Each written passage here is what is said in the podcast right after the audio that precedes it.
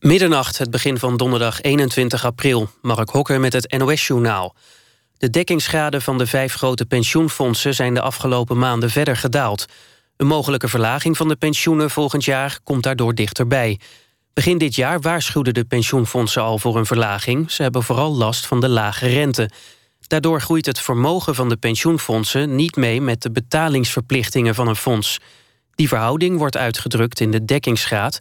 Die moet volgens de wet op minimaal 105% liggen. Het grootste pensioenfonds van Nederland, ABP, stond eind vorige maand op 90,4% De aanslag op een bus in Jeruzalem dinsdag was een zelfmoordaanslag. De Palestijn die de aanslag pleegde is de afgelopen dag overleden in het ziekenhuis. Volgens het Palestijnse Informatiecentrum gaat het om een man die lid was van de militaire tak van de Palestijnse beweging Hamas. Door de explosie achter in de bus raakten 16 mensen gewond. Zes van hen liggen nog in het ziekenhuis. Vier verdachten in een van de grootste drugszaken ooit in Nederland zijn vrijgesproken. Volgens het OM waren ze betrokken bij de smokkel van ruim 4000 kilo cocaïne... maar volgens de rechter is er te weinig bewijs.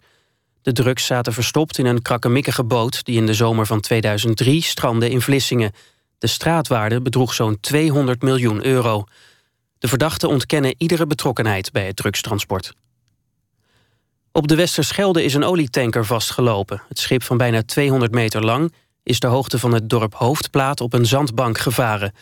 Over drie uur is het hoogtij en dan moet duidelijk worden of het schip op eigen kracht verder kan varen, zegt de veiligheidsregio. Als het nodig is, kunnen sleepboten het schip op weg helpen. Het weer, het is helder met landinwaarts enkele mistbanken... in het binnenland nachtvorst en elders vorst aan de grond. Overdag eerst nog zonnig, maar later vanuit het zuiden sluierwolken. Het blijft wel droog en de temperatuur loopt op naar 12 tot lokaal 18 graden. Dit was het NOS Journaal.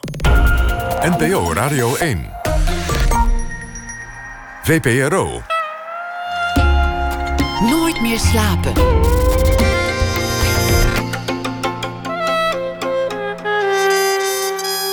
Met Pieter van der Wielen. Goedenacht en welkom bij Nooit meer slapen. Erik-Jan Harmens, schrijver, zal zometeen de voorbije dag samenvatten na één uur. Dat doet hij in een verhaal. San Little is de gast, singer, songwriter en inmiddels mag ik zeggen een vriend van dit programma. We gaan het hebben over de opkomst van de kunst-app, dat na ene, waar we beginnen met Casper van de Putten. Een psychiater moet ineens beslissen over het lot van een vluchteling. De laatste strohalm is hij wel fit genoeg om teruggevlogen te worden naar het land van herkomst? Fit to Fly is de titel van het theaterstuk. Een monoloog gespeeld door Vincent Lindhorst over een psychiater die ineens een heel ander vak krijgt dan die had gedacht. En over de vluchtelingenproblematiek. Het is te zien bij het Nationaal Toneel in Den Haag. Onze gast, Casper van der Put, is geboren in 1985. Hij uh, is regisseur van toneelstukken. Heeft er al uh, vele gemaakt. Deze maakt hij in samenwerking met de correspondent. En vanaf 2017 zal hij huisregisseur worden bij het theater in Utrecht. Hartelijk welkom. Dankjewel. Jouw uh, beide ouders waren psych, heb ik, heb ik begrepen. Ja, ja, zijn ze nog. Ja, nog steeds. in rusten trouwens wel, maar uh, ja, zijn allebei net met pensioen. Maar... Hoe is het om op, op te groeien als, als aan de ontbijttafel niet alleen twee ouders je aankijken, maar dan ook nog twee psychologisch opgeleide ouders. Kan je dan nog wel een ruzie maken? Durf je dan nog wel over je dromen te vertellen? Uh, ja, ja ik, ik ben natuurlijk niet veel beter uh, gewend. Maar um, uh, dromen waren in ieder geval een hot item bij ons aan de ontbijttafel. Die moest je ook meteen even uitleggen bij, bij de, bij de jus d'orange. ja, of dat was niet verplicht natuurlijk. Maar het was wel... Ik, ik, mijn vader die uh, die, zat, uh, die is analyticus en hij um, ging in opleiding, of hij zat in opleidingsanalyse. Dat ga je dan doen. Je gaat een paar jaar zelf in analyse. Toen ik jaar of zes was of zo. En um, ik was altijd heel vroeg wakker. En hij moest altijd heel vroeg naar die analyse, want daarna moest hij door naar zijn eigen werk. En dan zat ik tussen zes en half zeven uh, met hem te ontbijten. En hij vertelt dat ik daarin heel veel voeding ook heb gegeven. Want hij is uiteindelijk hij is kinderpsycholoog. Dus hij zat in, ik zat altijd honderd uit te vertellen over wat ik toch allemaal had gedroomd. En hij zat een soort bijna zijn opleiding. Dat hij dacht, ah, dat is interessant. Dat is, uh, en dan ging hij vervolgens daar weer mee zijn opleidingsanalyse in. Uh, dus ja, dus dat, ik, ik heb er zelf niet zoveel van gemerkt in die zin. Uh, ik denk dat mijn ouders er wel heel erg veel van hebben gemerkt. Dat die dat wel heel erg bewust als psychologen ook ouders zijn geweest. Ja. Heeft het bij jou een, een levenslange interesse gewekt in, in de psyche van de mens? En, en alle theorieën die daarover bestaan? Ja, ja, zeker. Ja, allebei mijn ouders kunnen heel bevlogen over hun vak vertellen. En eh, ja, en dat is gewoon, eh, dat is hartstikke interessant. Eh, dat, dat, dat is het altijd voor me geweest. Eh, mijn moeder heeft heel lang in een TBS-kliniek gewerkt. Hè, dus echt, eh, voor mij, die werkte met de grote boeven. Zoals dat dan een beetje aan kinderen werd uitgelegd. En mijn vader dus met kinderen. En allebei die werelden waren natuurlijk loeispannend. Dat, dat mijn vader andere kinderen heel erg goed kende en die hielp. Ehm, dat mijn moeder met, met, met, met seriemoordenaars, met, met gekken, met weet je wel, zo, dat, dat, dat die daar, dat die daar eh, s'morgens naartoe reden. Ja, dat vond ik wel eh, hartstikke gaaf. En ze hadden het er ook met z'n tweeën vaak over. Dus Over hun werk of Over het vak? De, de, ja, de over het vak. Ja, over het vak. Hoe was het dan als jullie op vakantie gingen en iemand de kaart verkeerd las en een ruzie ontstond? Eh, werd het dan ook met, met psychologische souplesse uitgevochten? Of werd, werd dan ook meteen een diagnose op de andere partij geplakt? Nee, nee. Ehm, nee, dat was gewoon. Hey, godsamme. Gewoon zoals dat, bij iedereen gewoon- gaat. Dat was gewoon heel, eh, heel normaal. kan je dan ook ik. niks. Ja. Maar er zijn wel soms, dus ze zijn er wel, denk ik, de, in de auto terug verzuchten na een feest. Of, eh, na, eh, of als we samen tv zitten te kijken. Dan kwamen er wel eens, eh, dan kwamen er wel eens diagnoses langs, ja.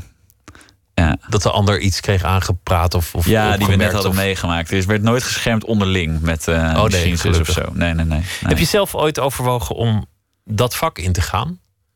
Ja, heel lang eigenlijk ook. Eh, ik, ik denk dat ik zo ergens in de derde klas eh, van de middelbare school kwam, dat, eh, kwam die beroepskeuze een beetje op gang. Eh, of in ieder geval de serieuze kant van die beroepskeuze. Daarvoor was het altijd eh, nou ja, de dromenberoepen. En toen werd dat wat realistischer. En toen dacht ik, ja, ik wil eigenlijk gewoon psycholoog worden. Dat, dat, dat, en toen ging ik naar mijn, vertelde ik dat. En toen zei ik, ik denk dat ik dus psychologie ga studeren. En toen keken mijn ouders elkaar aan en zeiden ze, ja, ja, dat is toch eigenlijk, ga je dan waarschijnlijk nooit een patiënt helpen. Want dat, is allemaal, dat gaat allemaal richting psychiatrie. Dus dan kan je beter geneeskunde gaan doen. Dus zo, eh, eh, toen kwam ik er en achter dat mijn ouders een beetje aan de verkeerde kant van het vak stonden qua tijdsgeest dan in ieder geval. Hè, van eh, we zijn aan het verliezen van de, van de wetenschappelijke en de meer Dat was te soft aan het worden, want je moet er een pil bij geven. Ja. Exact, ja, dat was het toen al helemaal zo eind jaren negentig. En eh, nou, uiteindelijk heb ik heel lang gedacht dat ik dat zou gaan worden. En toen kwam ik in de zesde klas, kreeg ik een klaplong. En eh, kwam ik een week in het ziekenhuis liggen. Dat is eh, rottig, niet zo heftig. Maar toen zat ik een week, was ik overgeleverd aan die ziekenhuiszorg. Toen was ik enorm teleurgesteld in wat dat arts zijn eigenlijk inhield. Ik vond het wel aardige mensen, maar ze zagen me. Ze kwamen de hele 30 seconden langs en dan waren ze weer vertrokken. En ik dacht, is dit, is dit nou wat dat arts zijn is? En intussen was ook al een beetje. kwam ik er toch achter dat één van die droomberoepen. Die ik eerst eh, in in de derde klas als niet realistisch had weggeschoven. dat dat toch binnen handbereik lag, het toneel. Toen eh, heb ik, toen ik terugkwam uit het ziekenhuis, toch gedacht: ik ga, ik ga gewoon voor het toneel. Ja. Want arts is natuurlijk een prachtig beroep. En ook, ook bij uitstek een nuttig beroep. Maar een ziekenhuis is ook een hele nare omgeving. Ja, absoluut. Ja. En als je daar met een klaplong ligt, dan ervaar je dat. Hoe naar die omgeving is. En dan zie je misschien ineens wel voor je van ja, daar werk je dan de rest van je leven in. ja, exact. In die lucht, die lucht dat licht. en eh, die lage plafonds. En die, ja, ja, zeker. Ja. Dus dat wel, ja, voor mij was het echt, het was een, een, een, een eh, eigenlijk achteraf gezien perfect eh, demasqué van, van, dat, Van die droom. van die droom. Hoe was het toneel in je leven gekomen? Want je zei dat andere beroep, dat was inmiddels toch wel een beetje een optie geworden. Wanneer zag jij toneel voor het eerst dat het je zo raakte dat je dacht, dat zou ik zelf wel willen doen? Al van jongs af aan. Ik heb één.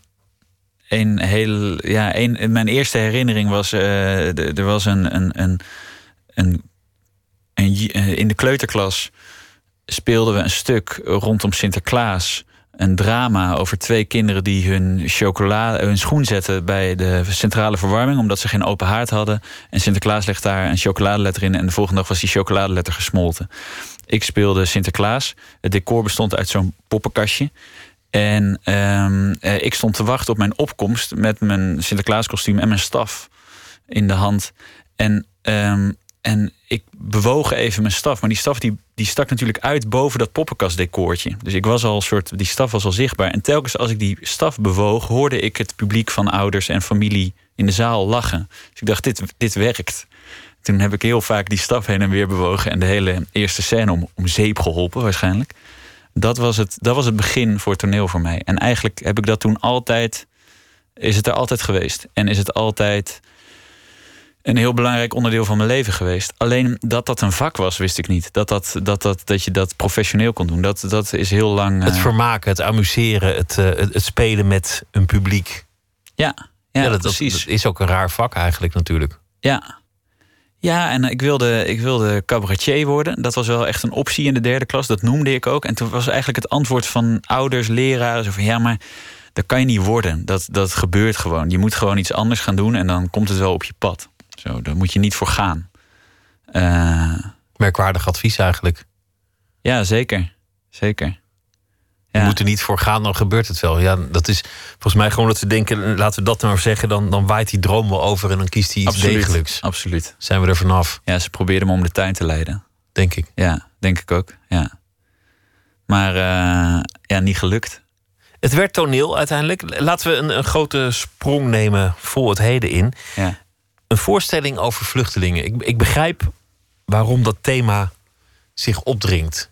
Want, want wanneer zijn mensen nou van jou in een zaal en is er tijd voor reflectie en om samen anderhalf uur iets mee te maken, dat je een verhaal kunt vertellen, het verhaal van een vluchteling?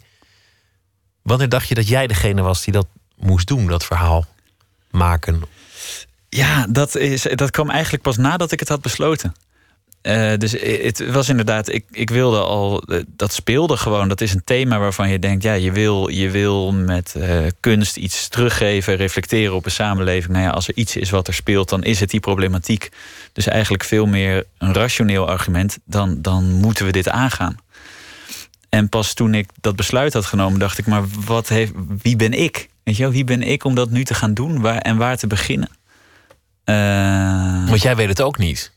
Ik bedoel, ik Nee. weet het niet. Ik heb niet de oplossing voor het vluchtelingenproblematiek, voor het probleem. nee, En, en heel veel mensen die dat zouden willen hebben, hebben dat niet. Maar ik kende ook niet zo goed. niet? Nee. Het enige wat ik wist, eh, ik heb door, ook door mijn werk, ben ik, eh, ja, heb ik mee mogen, heb ik, ben ik een paar keer in Gaza geweest om daar te werken. Daar is, er zit ook een toneelgezelschap en via een, een regisseur die ik ken, ben ik daar ook een paar keer naartoe gegaan. En dat is het enige wat ik ken van de wereld, eh, van, ja, van mensen die echt weg willen. Weet je wel, die echt. Dus dat is het enige. En op een gegeven moment is het ook zijn een paar van die mensen ook hier naartoe gekomen. Om, gingen wij met hen werken. En is een van die gasten ook uh, ertussen uitgepiept. Dus we waren aan het repeteren, ging een sigaretje roken en hij was weg. Dus dat is het enige wat ik, waar ik al langer over nadacht. Ik dacht, wat, wat is er met die jongen gebeurd? Hoe is het hem vergaan? Wat heeft hij allemaal gedacht? En wat is hij? Hij is anderhalf jaar geleden teruggekeerd in Gaza. Uh, gedesillusioneerd. En uh, weer gewoon verder gegaan met zijn leven in Gaza. Dus dat speelde er al wel. En toen, nou ja, dus dat is het enige wat ik had eigenlijk. En toen dacht ik, ik moet die thematiek maar gewoon aangaan. Ik moet hem gaan uh, opeten en uh, verteren en dan kijken wat er gebeurt. En toen, toen heb ik een brief ges geschreven naar de correspondenten. Dat, dat een nieuwsplatform, journalistiek platform.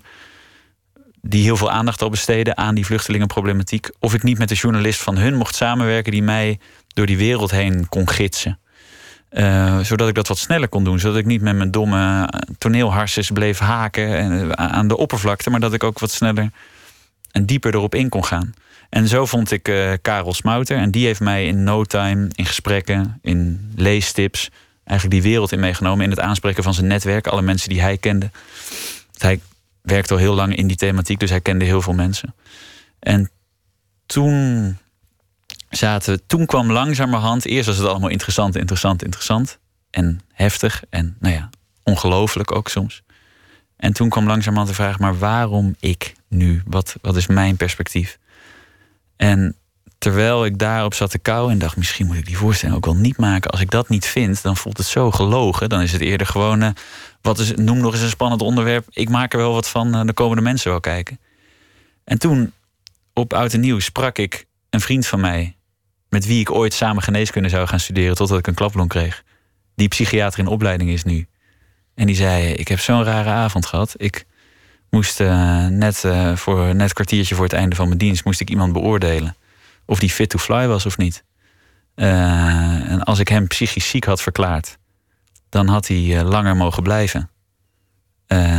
en als, ik hem als ik hem gezond had verklaard, dan was hij twee dagen later teruggevlogen. Dus die kreeg opeens.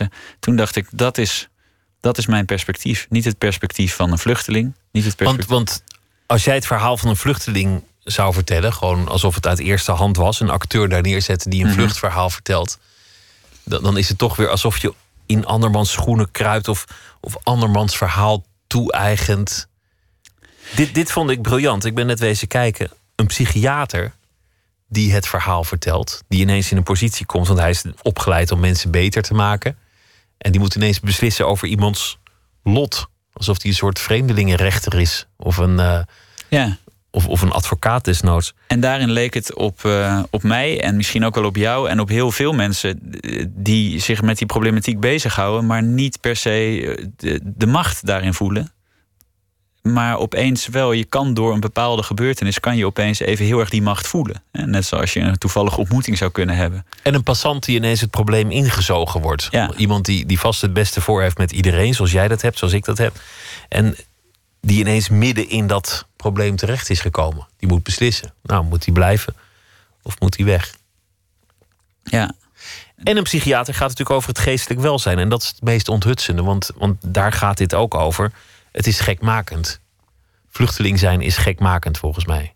Volgens mij is er geen snellere conditie om, uh, om je positieve te verliezen dan vluchteling zijn.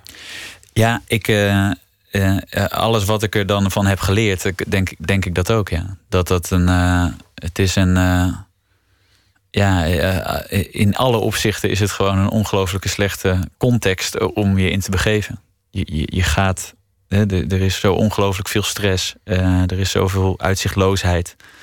Uh, en vooral, je moet op een onder, een onder omstandigheden met andere mensen samenleven die gewoon, die gewoon echt afgrijzelijk zijn, natuurlijk. Uh, dus ja, ja, ik denk ook dat dat zo is, dat dat gekmakend is. Denk ik. Ja. Intussen kun je daar heel veel over zeggen, doordat je het verhaal laat vertellen door een psychiater.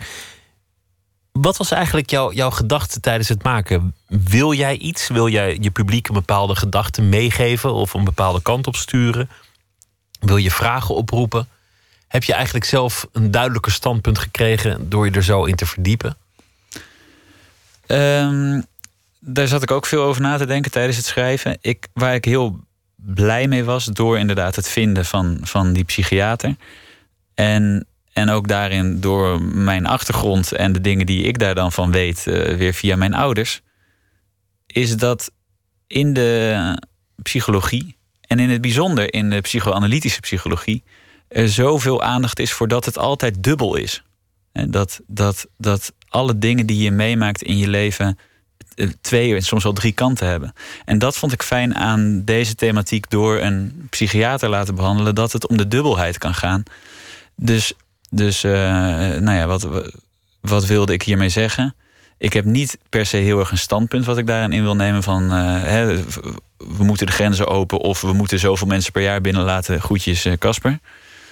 het, het is veel meer dat ik denk we moeten in deze super gepolitiseerde discussie, waarin, je, waarin je bijna meteen een standpunt inneemt en dat iets zegt over je politieke kleur, veel meer ruimte uh, laten aan alle dingen die we daarbij voelen.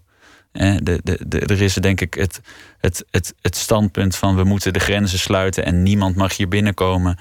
Heeft behoefte aan uh, medelijden en aan zien wat, wat, wat, wat, dat, wat dat is, hè, wat dat betekent om te vluchten. Het, de, de mensen die zeggen de, grenzen open en dit wordt alleen maar fantastisch, al deze culturen bij elkaar, moeten ook eh, denk ik, eh, ruimte voelen om te bedenken: ja, maar dat, het, het kan ongelooflijk misgaan. Het is ongelooflijk heftig om andere mensen die je niet goed begrijpt te verdragen, überhaupt. En daarin denk ik dat ik, uh, en dat is natuurlijk ook zo mooi aan theater, dat je altijd een mini-samenleving maakt. Hè. Je maakte vanavond waren wij met, met een mannetje of zeventig een mini-samenleving bij de, bij de tweede try-out. En En er is even geen politiek standpunt. Er is, even, er is alleen even voelen. En dat heb ik ook heel erg gepoogd in deze voorstelling. Ik heb ook gepoogd om hem, ja, om hem gevoelig te maken. Om hem misschien zelfs soms sentimenteel te maken. Om de gevoelens die bij deze problematiek horen even alle kanten op te laten gaan. Zowel het medelijden als de haat en de angst voor de ander. Ja, en dat dat even allemaal mag bestaan. En dat je vanuit daar weer misschien opnieuw dat debat in kan gaan. Dat is denk ik. Want empathie is natuurlijk ook belangrijk. Hoewel empathie ook kan inhouden dat je, dat je iemand terugstuurt. Dat kan natuurlijk even goed. Dat je, dat je een, een dromer uit een ander land die denkt: ik zoek het in, in het rijke Europa. Ja. Vertelt dat is helemaal niet het goede plan. Ja. Overdenk het nog eens. Jij hoort daar. Je gaat hier helemaal niet gelukkig worden. Dat is mij, dat is mij een paar keer na die bezoeken in Gaza overkomen. Dat, dat er zo. Hè, de, nou ja, daar, daar werkte ik met mensen. Dus dan, dan leer je elkaar snel kennen. Sloot ik vriendschappen. Sommige van die vriendschappen bestaan nog.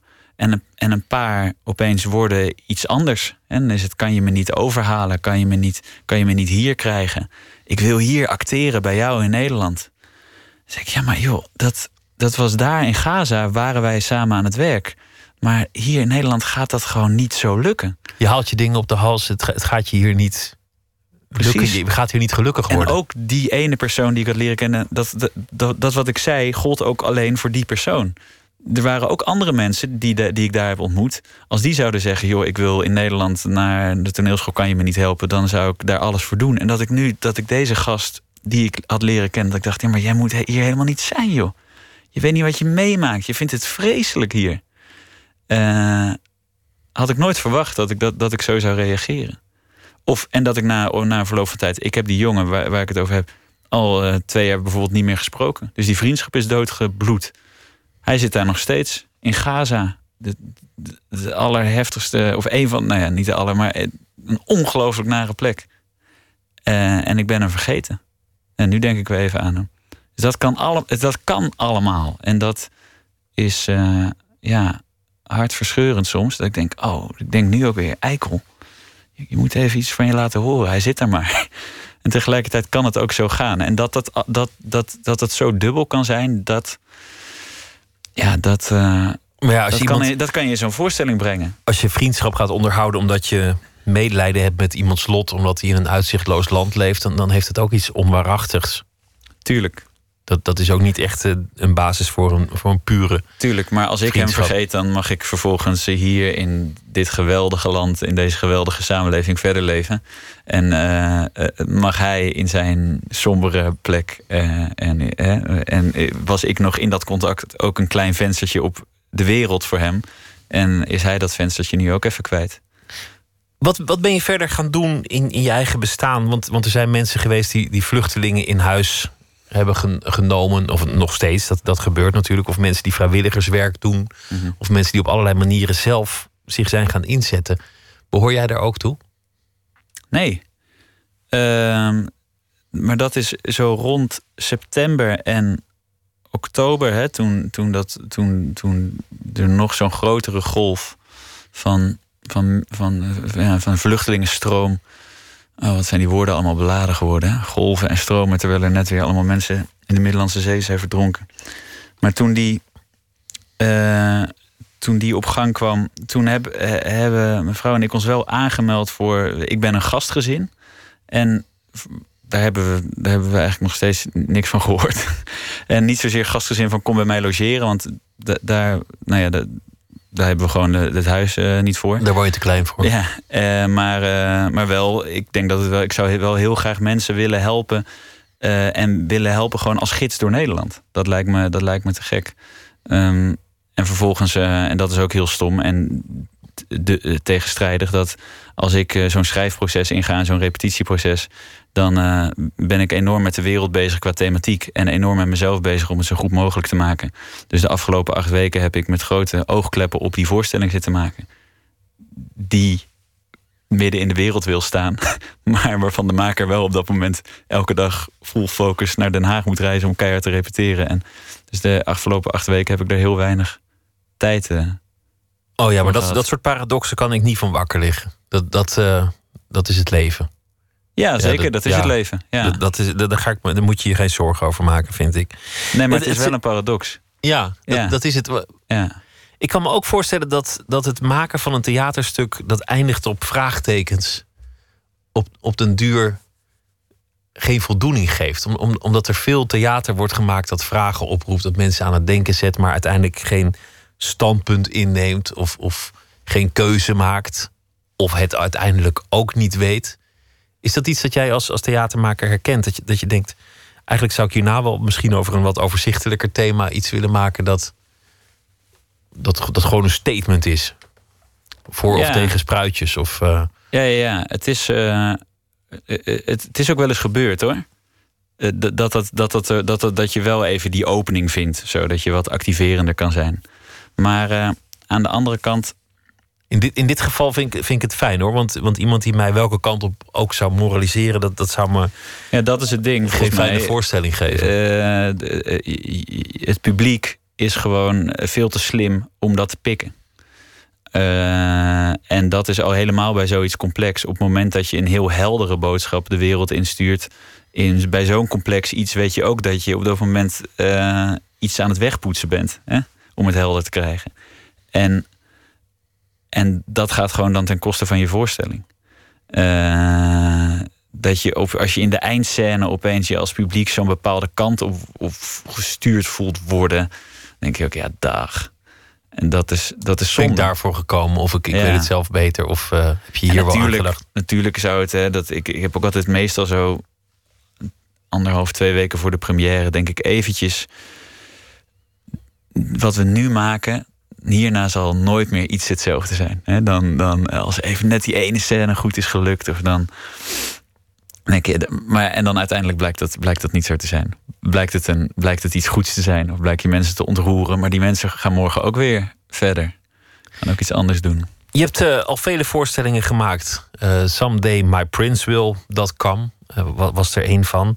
Eh, The Summer of 96 was er één, over, over jouw generatie. Eh, Vrijdag van Hugo Claus, een, een uitvoering alweer twee jaar geleden... of, of anderhalf jaar geleden, eh, zoiets. En er zijn er nog heel veel meer. Een van die thema's die jou enorm fascineert... is volgens mij het nihilisme. Het Ja. deel uitmaken van een, van een generatie waarin het allemaal niet zo uitmaakte. Waarin de soep toch nooit zo heet werd gegeten als die werd opgediend. Ja. Waarom fascineert dat? Mm. Ja, dat is begonnen eh, toen ik eh, toen ik het eerste jaar op de toneelschool zat. Toen, eh, nou, dat is een klein gemeenschapje. Dat, die, toneelschool in Maastricht, daar zitten in totaal zo'n 80 studenten volgens mij toen ik daar zat. En nog een, docent of 15 in, in wisselende samenstelling. En, en boven mij, het jaar boven mij zat Maurice Scheermeijer. En een hele leuke vent. En die voelde zich eh, donderdag eh, was hij niet lekker. En maandag was hij niet op school. En maandagavond was hij dood. Hij eh, had een bloedvergiftiging gekregen. Was 27 toen hij overleed. En, en ik, ik was, ja, ik was, ik was totaal weggeslagen. Wij allemaal. En natuurlijk gewoon de, de, de, de klap van de dood. En van een jong iemand ook nog eens. Dat is altijd extra wrang. De, totaal plots. Gekke toevalligheid. En ik weet nog dat, dat de weken daarna hoe moeilijk het was om, eh, om verder te gaan. Maar ook hoe moeilijk het was om met elkaar daar niet van elkaar weg te drijven. Er ontstonden ruzies. Eh, er was ook heel veel. We, we probeerden heel veel samen te komen, maar we, we hadden ook zo weinig. Ja, hoe zeg je dat? Om, om, om in handen om dat te organiseren. Je zou zeggen, als er zoiets groots gebeurt, dan brengt dat de groep dichter bij elkaar. Het deed het ook wel. Ik, ik- we hebben eindeloos veel bij elkaar gezeten en eindeloos veel. Maar, maar het andere gebeurde ook. En vooral het. eh, en, en dat het. Eh, Nou ja, dat dat, dat, dat ergens. Dat, dat je dat dan zin moet geven. Dat dat is gebeurd. Dat lukte gewoon niet. Het was totaal zinloos. En ik denk dat daar ergens. Dat, dat dat voor het eerst opeens dat dat filosofische begrip nihilisme, wat ik zo. weet je wel, eh, je had een t-shirt. eh, God is dood. Nietzsche. En dan staat er achterop: Nietzsche is dood, God of zo. Daarvan kende ik Nietzsche. Zo. En daarvan kende ik dat nihilisme. Maar opeens dacht ik: oh ja, dit is dus waar dat over gaat. Dit is, dit is dus wat je dan voelt. Dat je gewoon nu niet kan denken: Maurice is nu ergens op een plek waar het heel fijn is. Of God heeft ons deze beproeving gestuurd. Uh, en we gaan hier iets beter uit maken. Het is gewoon niks. Het is gewoon totaal absurd. Ik geloof er niet in. Het is gewoon niks. Het sloeg nergens op.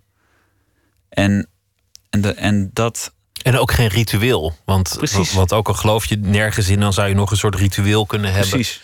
Waarmee je het in een, in een maatschappelijk kader tot iets moois kunt brengen. En dat probeerden we natuurlijk met elkaar te doen. En dat is ook goed gelukt. Waren, daar hadden we natuurlijk de juiste mensen voor om, uh, om snel rituelen in het leven te roepen. Maar dat was voor mij een startpunt. En of voor die gedachten. En het was ook natuurlijk, hè, het was in de opleiding kwamen opeens ook die filosofen langs en zo. Dus dat, dat kwam allemaal een beetje samen. En wat ik heel wonderlijk vond daar tegenover was dat al mijn opa's en oma's waren uh, en zijn strenge katholieken. Uh, mijn, mijn opa van moederskant uh, heeft uh, heeft uh, in een strafkamp gezeten in de Tweede Wereldoorlog in kamp Amersfoort. Is daar ontzettend mishandeld geweest. Is er daar totaal beschadigd uitgekomen. En heeft zijn hele leven lang soort zich ook aan die God vastgeklampt. En, en, en zei dat ook vaak tegen mij: van ja, je moet, als je dat niet hebt, dan heb je niks. Weet je wel, daar maakte zich echt zorgen over. Niet een soort belerend, maar meer van joh. Hij had in dat, in dat kamp geleerd dat, dat hij zich daaraan kon vastklampen, aan de gedachte van een, een opperwezen ik denk het. ja, ja, ik weet niet of hij dat in dat kamp heeft geleerd. Ik denk dat hij, het hij, hij, had het al bij zich toen hij daar binnenkwam, denk ik. Maar het was in ieder geval voor hem een grote rol. En eh, wat ook, uh, ook die Het klinkt bijna alsof, alsof je daar jaloers op bent, op zo'n geloof. Nou ja, ik was, wat geinig is, is natuurlijk... ik kende de verhalen van mijn ouders en die generatie... van hoe ongelooflijk suf en stom dat was, weet je wel. En tegelijkertijd, en je denkt ook vaak... moet dat belachelijk zijn geweest. Mijn mijn moeder heeft wel eens verteld dat zij ging slapen. En dat ze dan doodsbang was dat ze die avond geroepen zou worden door God. Weet je wel, om, om uh, naar het klooster te gaan, omdat je dat zo leerde. En ik ken ook uh, van, van, de moeder van mijn vrouw, die heeft wel eens gezegd... die was doodsbang dat als ze s'avonds naar de wc ging, Jezus tegen zou komen. Je denkt, je maakt de kinderen gek. Nou, die hebben zich daarvan bevrijd. Dus daarin ben ik heel erg blij dat dat allemaal weg is. Maar er is ook iets anders verloren gegaan. En dat blijf ik een fascinerend iets vinden. En wat, wat is dat, als je dat zou moeten definiëren, wat verloren is gegaan? Het geloof of een opperwezen of, nou, iets om je aan vast te klampen? er, is een, er is in heel veel jaren tijd een samenleving opgebouwd waarin, dat, waarin het idee dat er hierna nog een leven is, gewoon enorm zit ingebakken. Je bent hard aan het werken. Uh, maar straks. je doet het ergens voor. Precies, je doet het ergens voor. En in, in een, in, dat is enorm lang opgebouwd. Er is een hele samenleving en een heel nou, cultureel erf, erfgoed rondomheen uh, ontstaan. En in een behoorlijk rap tempo, hè, ongeveer een eeuw, is dat gewoon zo frrrt, eh, is dat, is dat weggehaald. En dat, dus daar, daar is nog een, daar is een, dat heeft een leegte achtergelaten. Uh, rituelen. Uh, ja, hè, dat je elke week samenkwam. Dat er, ik bedoel, het is geen vreselijk te zijn vaak. Maar... En dat je het ergens voor doet. Want nu is het een eenmalig leven. En daar moet je, moet je maar zoveel Precies. mogelijk plezier in zien te krijgen. En, en laten zien dat je dat hebt gedaan. En, want dit is je leven. Ja. Straks gaat het voorbij. Maak dat... die reis nu, want anders maak je hem nooit meer. En dat is ook te gek. Hè? We hebben er ook een. De, de, dat je dus nog meer. Je, nou ja, we hebben er nog meer autonomie voor teruggekregen. En dat is ook heel boeiend. Dat je zo je eigen leven kan maken. Maar je kan dus ook je eigen leven afbreken. En dat mag dus ook. En, uh, want er is niemand die je daarvoor gaat straffen. Dus dat het, dat het helemaal van jou is en hoe we daarmee omgaan. En ook welke grote gevoelens dat ook weer oproept. Hè? Komt de zoon van de psycholoog weer. Daar heb ik het idee van dat we daar bijna niet bij stilstaan. Hoe gigantisch dat besef wel niet is. Of we dat wel met elkaar soms bij stilstaan. Hoe, ja, je bent zelf verantwoordelijk voor je leven. Je moet er iets van maken. Maar eigenlijk hebben mensen geen idee wat ze ervan moeten maken. Behalve dat het heel groot en meeslepend moet zijn. Omdat het eenmalig is. Ja. Wat je zei over jouw opa in, in, in, het, in het kamp. Want dat is iets waar je, waar je een voorstelling over wil gaan maken. Of, of gaat maken binnenkort. Over, over je opa in kamp Amersfoort. Mijn opa zat ook in kamp Amersfoort. Hoe toevallig kan het zijn? En die was zo ontzettend verstokt atheïst, die man. Ja. Dat hij een briefje in zijn portemonnee had. Dat als hem iets zou overkomen, dat hij niet door een gelovige arts wilde worden geholpen. Oh, wauw. Die is dat er omdat hij communist was? Nee, ik, hij was dan bang dat hij niet de goede behandeling zou krijgen. Of hij dacht van iemand die daarin gelooft, die zou ook wel niet weten welk Ja. spuitje die moet pakken. Ja, ja. Dus.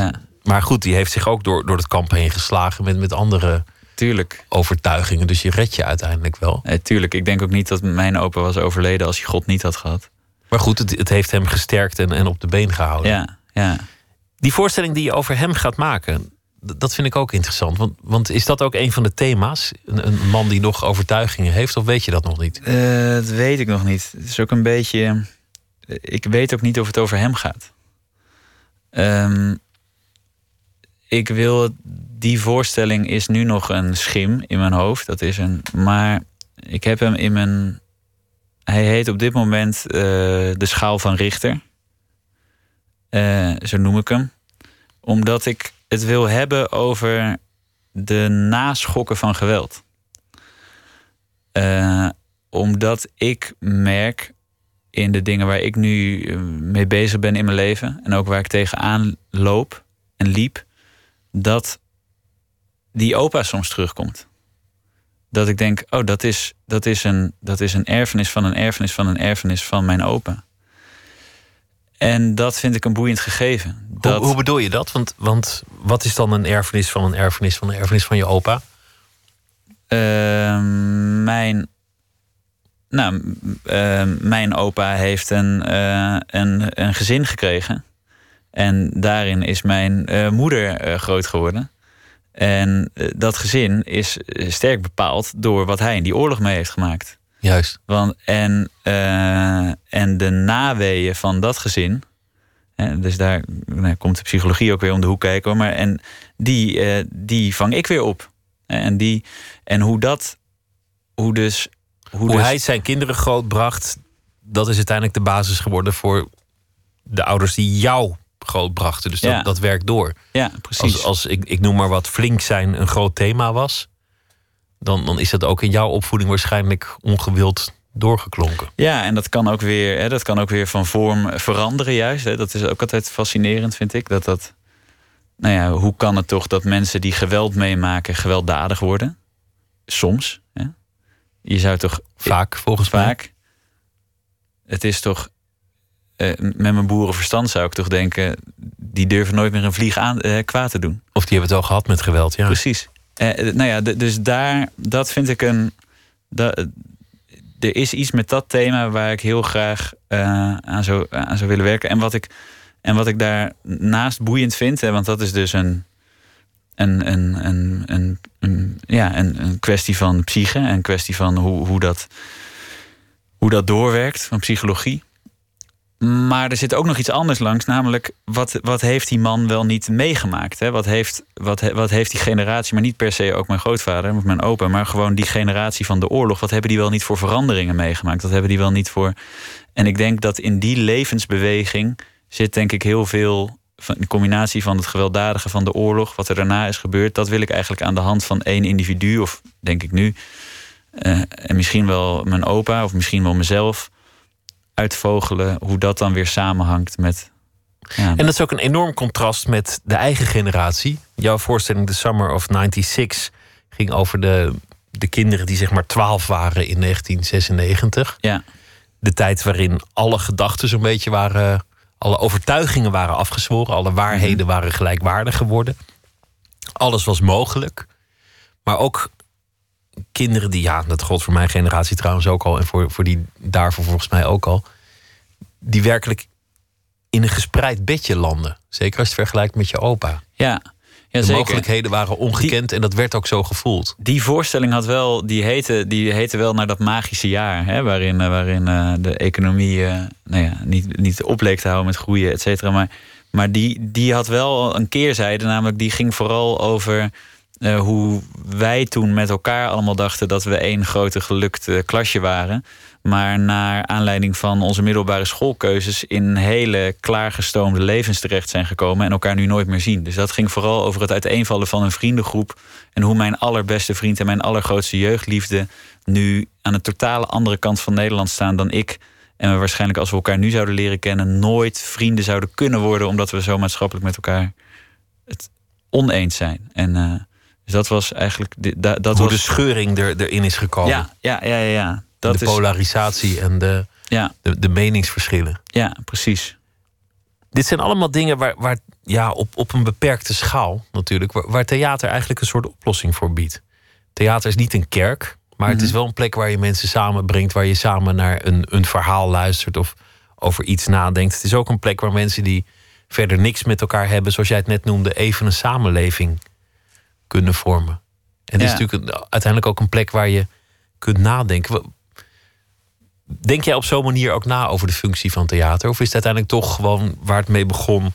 Als je de, de staf van Sinterklaas boven, boven het bord uitsteekt, dan begint iedereen te lachen.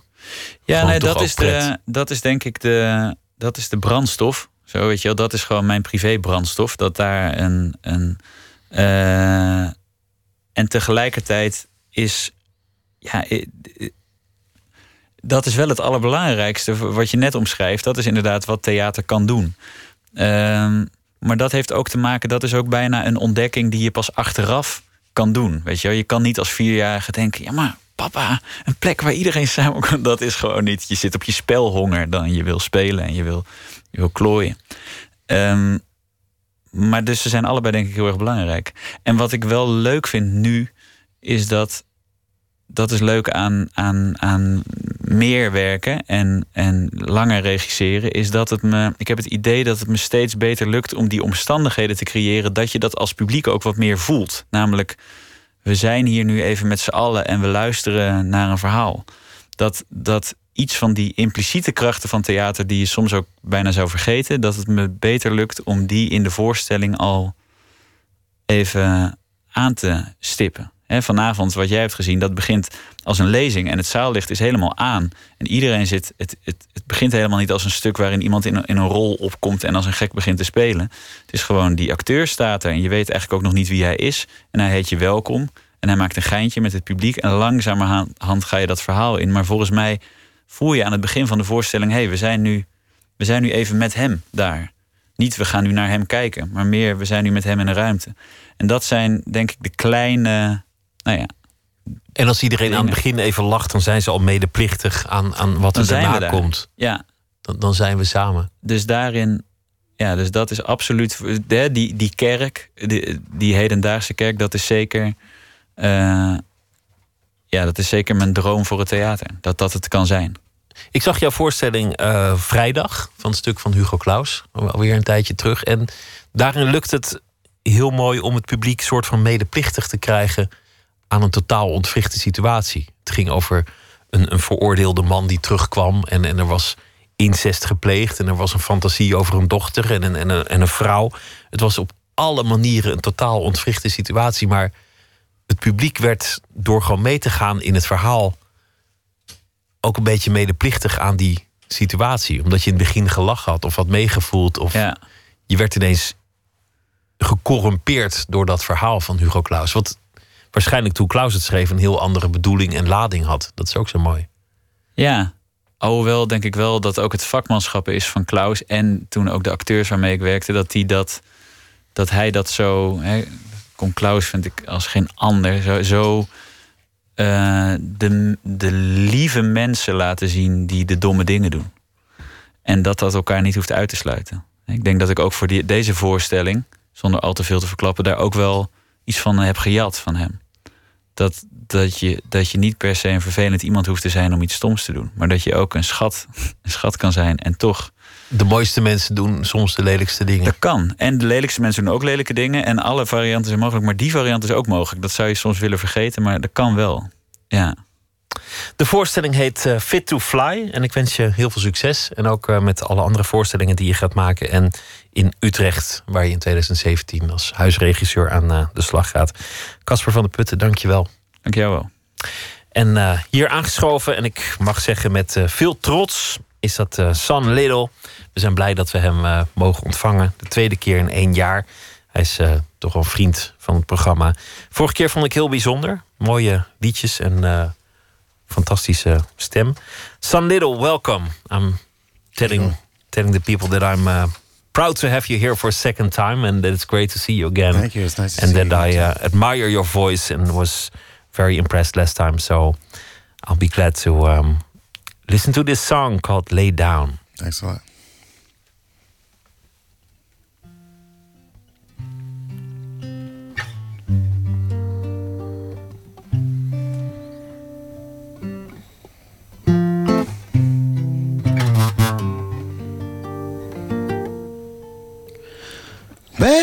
won't you lay down and watch this water boil?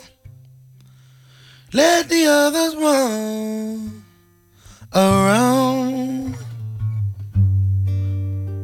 For once, baby, won't you lay down and watch this water boil? Let the others run around. Just this once. Lay down with me a moment. Let me ease, let me ease your worried mind.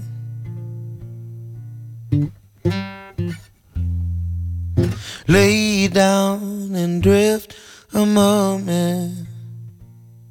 Let's not waste any more of our precious time. Baby, won't you lay down and watch this water boil?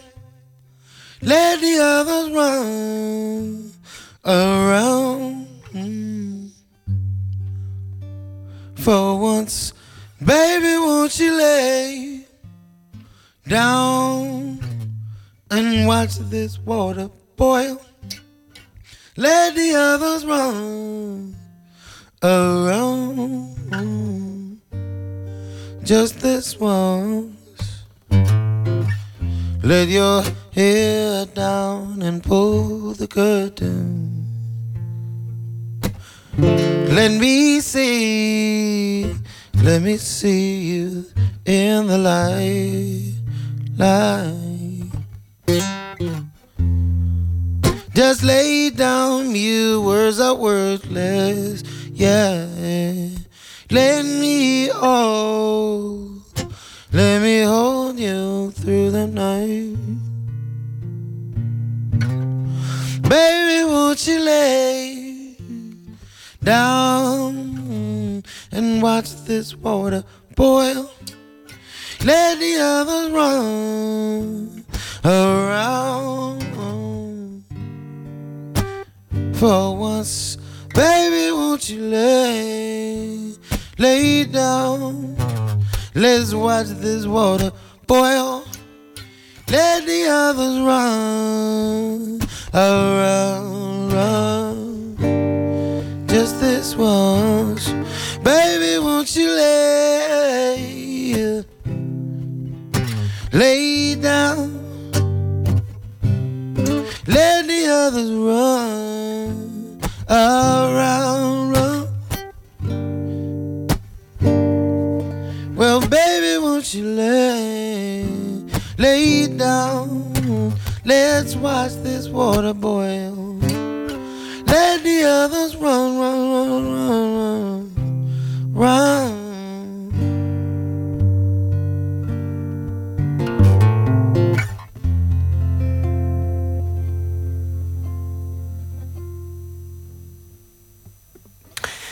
Sun Little was dat met het uh, nummer Lay Down. Nice to have you here again, uh, Yeah. Sun Little. And um, I heard that, that you, you said last time as you were leaving that you uh, that your father was a was a reverend in the in the church, True. and that's where you picked up on on music. It was certainly one of the first places I heard music, yeah. W- was that real, really the gospel music? Was it like staple singers kind of music, or you know, it was just probably. I mean, I, I because of him, I went to a lot of different churches. So, you know, I think I heard um, even a wide range of of religious music. You know, um, from that uh, that type of uh, you know rhythmic hand clapping music to more uh, you know just choral, just voices and harmonies. You know, and I think that's what sticks out of my memories, all the harmonies. You especially picked up on the harmonies there in, in church listening to music. A lot of um, great artists picked up their musical skills or at least, at least their taste for music in church. Mm -hmm. From, from Ray Charles to Bill Withers to Sam Cooke right. to uh, Mavis Staples, all the all the legends. It somehow started off in in church. Um, you work together with um, the Roots hip hop mm-hmm. group, but also with Mavis Staples. How how was it to work with her? Because she's really one of the last big ones of the of the great soul generation to be around still. Yeah, I mean, um, I was very lucky to have that opportunity. I mean, working with her is just being around her is, you know, is kind of a magical experience. I think, um, you know, like you said, she she grew up in the church and singing church music. Um, started out that way, anyway, um, and um, that sort of positive energy never left her. So she has an incredible way of making a person feel at ease if you're intimidated when you're, you know, in the presence of someone legendary like that. Most of us probably get a little intimidated or afraid, but um, she really has a way of making making you feel at home, you know. So it was it was a great experience professionally, but you know, just as a person, you know, uh, it, it, it just it brought a, good feeling. I learned a lot. I think just as a person, just being around her. Um, you worked together a lot with other artists, but your own album did pretty well. It it got crazy re reviews, very very well received, and it was uh, voted amongst the list of best records of 2015. You played the Paradiso and other places here in, in Holland. What are your What are your plans? What, what's uh, What's up your sleeve? well, uh, you know, I've been doing a lot of traveling and playing live a lot, which has been great. But I think, as you hear, probably a lot of artists would say that, you know, spending the time on the road and playing shows, you get a lot of uh, a lot of ideas of things you want to try in the studio, and um, I haven't had a lot of time to do do some of those things. I, I like playing playing shows, but I, I also really enjoy kind of playing around and experimenting in the studio. Um, so I'm pretty anxious to get back to doing that. As soon as I, as soon as I get a uh, a window of a few weeks or or so, uh, hopefully I'll be able to hide out in there for a while and and and make some noises.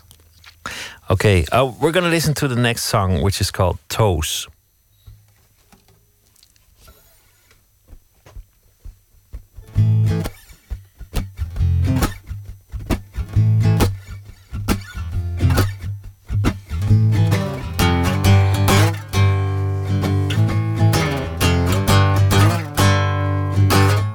You dip your toe, get in, get wet. You make me feel like somebody else. Spill right down the middle here. Feel my alter ego's ears whispering. Lips that kiss me here and here. You stay in bed, I'll hit the gym, play out again. I get you, yeah. Spill the right down the middle here. Feel my alter ego's ears whispering, lips that kiss me here and here, here. Baby, love's a flame without air.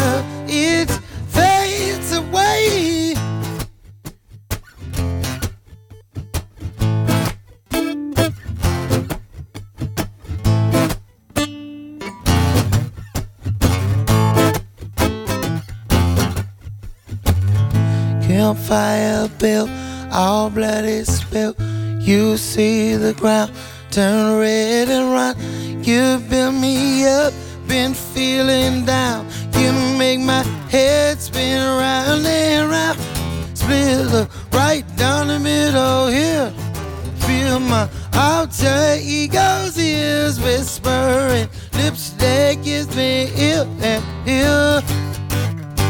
here.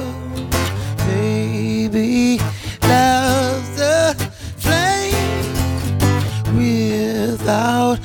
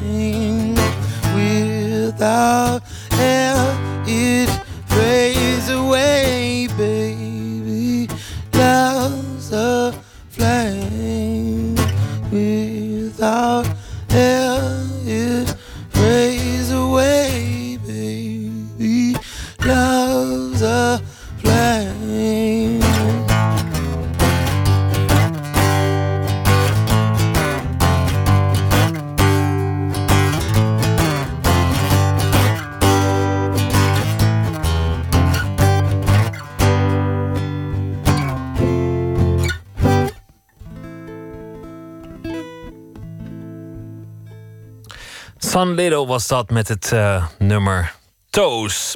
We have about three minutes, so why not do another song?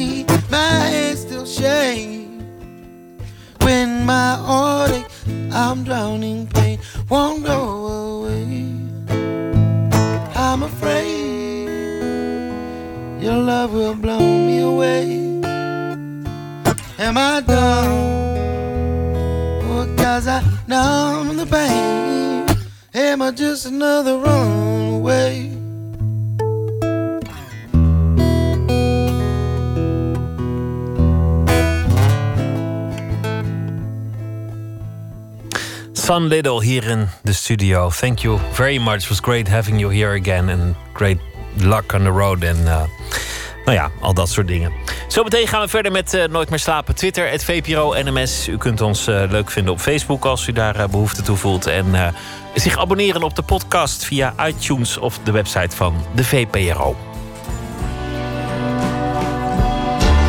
Op Radio 1, het nieuws van alle kanten.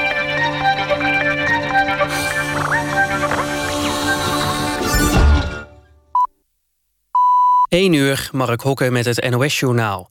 De dekkingsgraden van de vijf grote pensioenfondsen... zijn de afgelopen maanden verder gedaald. Een mogelijke verlaging van de pensioenen volgend jaar... komt daardoor dichterbij.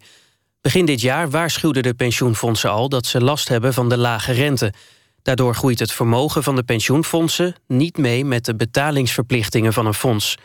Die verhouding wordt uitgedrukt in de dekkingsgraad. Die moet volgens de wet op minimaal 105% liggen... Van de grote fondsen kwam alleen BPF Bouw in de buurt van de 105 procent. Voor dat fonds lijkt een pensioenverlaging niet in zicht. Eigenaren van een Volkswagen krijgen in de Verenigde Staten 5000 dollar schadevergoeding vanwege de Schumel-software in hun auto. Volkswagen heeft dat afgesproken met de Amerikaanse autoriteiten, schrijft de Duitse krant Die Welt. In de auto's zat software die de uitstootwaarde manipuleerde. Op de Westerschelde is een olietanker vastgelopen. Het schip van bijna 200 meter lang is ter hoogte van het dorp Hoofdplaat op een zandbank gevaren. Over twee uur is het hoogtij en dan moet duidelijk worden of het schip op eigen kracht verder kan varen, zegt de veiligheidsregio. Als het nodig is, kunnen sleepboten het schip op weg helpen. Het schip vaart onder de vlag van Malta en was onderweg naar de haven van Antwerpen. Ajax staat weer bovenaan in de eredivisie. De club won met 2-0 in Heerenveen. Ajax staat ermee in punten weer gelijk met PSV... maar de Amsterdammers hebben een beter doelsaldo. Feyenoord speelde gelijk tegen Heracles. In Almelo werd het 2-2. FC Utrecht verloor thuis met 2-0 van de Graafschap. PEC NEC werd 2-0. En FC Twente won met 2-0 van Excelsior. Het weer. Het is helder met landinwaarts enkele mistbanken. In het binnenland nachtvorst en elders vorst aan de grond... Overdag eerst nog zonnig, maar later vanuit het zuiden sluierbewolken. Het blijft wel droog en de temperatuur loopt op naar 12 tot lokaal 18 graden. Dit was het NOS Journaal. NPO Radio 1. VPRO. Nooit meer slapen.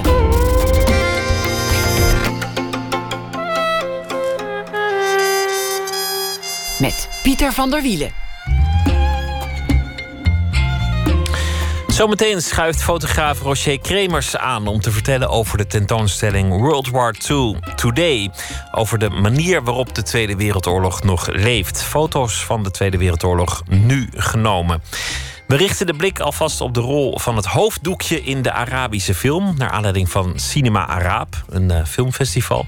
Maar we beginnen dit uur met uh, Erik-Jan Harmens. Hij is schrijver en deze week zal hij elke nacht een verhaal voordragen over de voorbije dag. Zijn laatste boek heet Hallo Muur. Goedenacht, Erik-Jan. Goedenacht, Pieter. Schrijver en dichter, moet ik zeggen. Want dat, uh, dat is natuurlijk wat je ook nog in zeer grote mate bent. Dichter. Zeker, ja. ja zeker. Weer een dag voorbij en uh, ik ben zo benieuwd wat jou uh, heeft bezig gehouden. Ja, nou los van als je het hebt over de poëzie... is dat uh, het nieuws vandaag dat mijn vriend en collega Ilja Pfeiffer... Gerrit Komrij gaat opvolgen als grote bloemlezer. Dus de grote bloemlezing van een, de staat van de Nederlandse poëzie van 1900 tot nu. Um, dit najaar uit. Dus dat was voor mij dan groot nieuws. Uh, maar het nieuws waar ik iets over geschreven heb uh, gaat over Utah, de Amerikaanse staat, waar uh, het is een beetje laat, maar daar is vandaag de oorlog verklaard aan pornografie. Ah. ja. Nou ja, dus, ja. Beter laat dan nooit. Hè? Beter laat dan nooit, ja. Dus ze verklaren een soort war on drugs, maar dan nu een war on porn is daar vandaag aangekondigd. En hoe gaan ze dat aanpakken? Hoe ban je de porno ja, nou, ze zeggen dus expliciet van we gaan het niet verbieden. Want dat kunnen ze dan niet. Maar uh, ze gaan aan de ene kant uh, uh, heel veel voorlichting geven. Raising awareness. Ja, dat, dat is nogal vrijblijvend. En het andere is dat ze ehm, gaan proberen om dan in ieder geval actief kinderporno aan te pakken. En ehm, ze gaan dus allerlei computer technicians, ik lees even van het scherm, computer technicians, dus computer nerds, die gaan dan proberen dat actief op te sporen in de staat. Um, en wat opvalt is dus dat, dat, ze moeiteloos van gewone porno naar kinderporno gaan in hun uh, argumentatie. Dus ja, in één adem heb je die dan maar toch genoemd. En dan, uh, dan, dan, stel je de ander toch ook in een lelijk daglicht. Terwijl ja, ja. wat ze mis met het kijken naar volwassen vrouwen. Ja, dat is precies. of mannen, wat je of wil. Mannen, wat je maar wil. Ja, of allebei. Ja, of, eh, ja, meestal is het allebei trouwens in Ja, allerlei posities. Ja, en, eh, maar je verhaal, ik ben benieuwd. Ik kreeg elke dag heel veel e-mail. Net nog van een eh, Jennifer Taft. Ze heeft een raar mailadres, namelijk okkipuzzo.postvanarili.googleboobs45.net. Ook vreemd is dat ze haar bericht begint met een andere voornaam. Hier, Lieke. Ik zag je op Snapchat en vond je zo ontzettend hot dat ik je beter wil leren kennen. En ik zit dus helemaal niet op Snapchat. Aan het einde van de mail gaat ze klankrijmen. Laat me dra iets weten, zodat we kunnen afspreken en samen een hete tijd beleven. Dat woordje dra ook. Laat me dra iets weten. Het staat er echt. Je zou bijna gaan terugnemen. De Amerikaanse staat Utah heeft kijken naar porno aangemerkt als gevaar voor de volksgezondheid. Een wettelijk verbod komt er niet. Wel gaat men er alles aan doen om de pornografische epidemie te beteugelen. Gouverneur Gary Herbert stelt dat kinderen al op 11 of 12-jarige leeftijd in aanraking komen met porno... en dat dat kan leiden tot een slecht zelfbeeld en een toename van problematische seksuele activiteit op jonge leeftijd.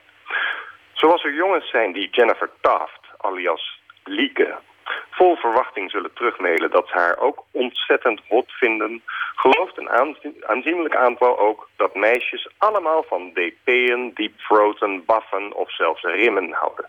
Je kunt ze er bij wijze van spreken s'nachts voor wakker maken. Een vriendin van mij vertelde me eens, nadat zij zes wijn op had en ik zes muntthee, dat het regelmatig voorkomt als ze jongens mee naar huis neemt, dat die, zodra ze over de drempel zijn, bovenop haar hoofd beginnen te drukken. Ik wil je best pijpen hoor, zegt ze dan, maar dan moet je het wel eerst netjes vragen. Ja, dat is toch wel een effect van, van die porno. Ik bedoel, het, Ja. het is niet alleen maar roze geur en, en, en maneschijn. Het lijkt me alleen zo moeilijk om een campagne te bedenken... waarin je wijst op de gevaren van porno. Omdat wat je ook zegt over de gevaren van porno... bij de meeste mannen in ieder geval maar één woord zal blijven hangen. Namelijk porno. ja, dat is waar. Dat is waar. En dan Ja, toch de onderbewuste gedachte... dat ondanks al die gevaren... er misschien Ja. maar weer eens porno moet worden gekeken. Ja, precies, precies, precies. Ja, nee, ja, ik, ik- volgens mij zou het, het zou een oplossing kunnen zijn, maar dat denk ik niet dat het voor hele jonge kijkers geldt, maar wel voor de wat ouderen, dat je probeert een onderscheid te maken tussen eh, eh, liefde en entertainment of zo. Porno is natuurlijk amusement. Snap je wat ik bedoel? Net als eh, als je naar een vechtfilm kijkt, dan ga je ook niet meteen daarna natuurlijk enorm erop losslaan, want het is een film. Maar bij, het lijkt bij porno alsof, alsof, alsof ze er helemaal in gaat zitten of zo. Dat meisje vertelde echt dat, dat, dat het echt gebeurt. Dat ze dat blijkbaar in een film hebben gezien en dan zo op haar hoofd gaan staan drukken. Dat is natuurlijk een heel eh, merkwaardig fenomeen. Ja, dat is raar gedrag. Dat moet zo'n Ja. meisje ook gewoon zeggen. De, de, Ja, maar, de echte wereld is ook een vorm van voorlichting. Als iemand dan gewoon zegt: hé, hey, gast, dit is raar gedrag. dit is raar gedrag. Erik Jan, dankjewel voor je verhaal. Morgen weer een verhaal en voor nu een eh, hele goede nacht. Jij ook, Pieter, dank je. Lubbock, Texas, geboortestad van Buddy Holly. Daar komt ook eh, een andere muzikant vandaan, Kevin Morby. Hij heeft een derde album. De titel daarvan is Singing Saul. En we gaan luisteren naar Cut Me Down.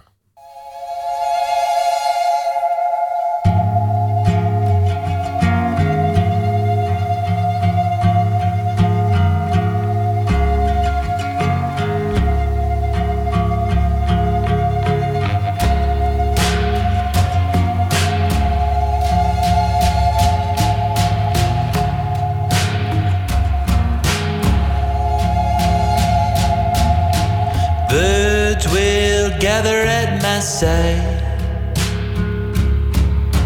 Tears will gather in my eyes.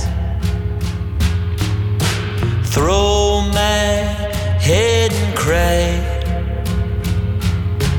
as vultures circle in the sky. And you're going to do what you came here to do. So why not do it now? Oh, and cut me down.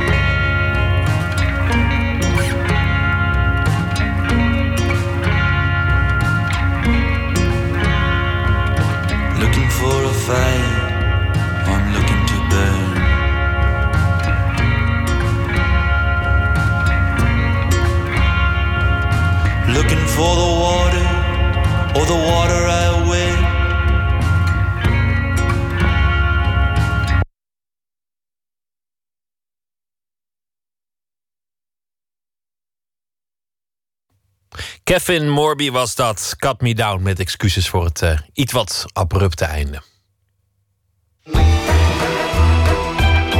Nooit meer slapen. Is het een eh, teken van identiteit of van religie? Of is het gewoon een modeartikel? Of is het een teken van onderdrukking van de vrouw? Nou, we raken niet uitgepraat over de hoofddoek. Het filmfestival Cinema Araab begint donderdag en twee films over dat onderwerp worden getoond. De Franse speelfilm Mariam en de documentaire The Tainted Veil. En er komt ook nog een discussie over de hijab. Een van de spreeksters is Vanessa Froon Najem, die onderzoek doet naar bekeerlingen. Floortje Smit bespreekt met haar de films. Het is de eerste dag na de vakantie in Frankrijk. En de 14-jarige Mariam danst voor de spiegel. Zorgvuldig steekt ze haar haar op, drukt nog een plukje naar achter. En dan laat ze haar enorme boskrullen verdwijnen onder een roze hoofddoek. Trots kijkt ze in de spiegel, zelfverzekerd ook. Ze gaat voor het eerst naar school met een hijab. Eerlijk gezegd, een slechter moment had ze niet kunnen kiezen. Ja, de film speelt zich af tijdens de invoering van het verbod op het dragen van een hoofddoek voor eh, scholieren. En ehm, dat is moeilijk voor een aantal meisjes die uh, vindt dat daarmee hun ja, kleden, vrijheid van meningsuiting, vrijheid van expressie, vrijheid van religie, allerlei soorten vrijheden, daarmee um, ja, geweld aan wordt gedaan. En in eerste instantie weigeren ze dan ook om, om de hoofddoek af te doen. Maar goed, daarmee mogen ze dus niet meer in de klas. Dus dat wordt een machtsstrijd uh, met de directeur. Via een coming-of-age verhaal verschillende discussies rondom de hoofddoek aansnijden. Het is knap gedaan van de opgewekte film Mariam. Hij wordt vertoond tijdens Cinema Arab. En daar wordt ook een discussie georganiseerd over de hoofddoek. Vanessa Vroom Najem is een van de sprekers. Ik ben mijn onderzoek begonnen. Mijn onderzoek loopt inmiddels al tien jaar. En ik heb verschillende onderwerpen bij bekering tot, betrekking tot bekering tot de islam onderzocht. Maar ik ben begonnen destijds met veranderingen in het dagelijks leven als je moslim wordt op het gebied van kleding, eten en drinken en woninginrichting. En kleding was dus een belangrijk onderdeel. En ik wilde daarnaast, mijn tweede onderwerp was uh, hoe de of deden.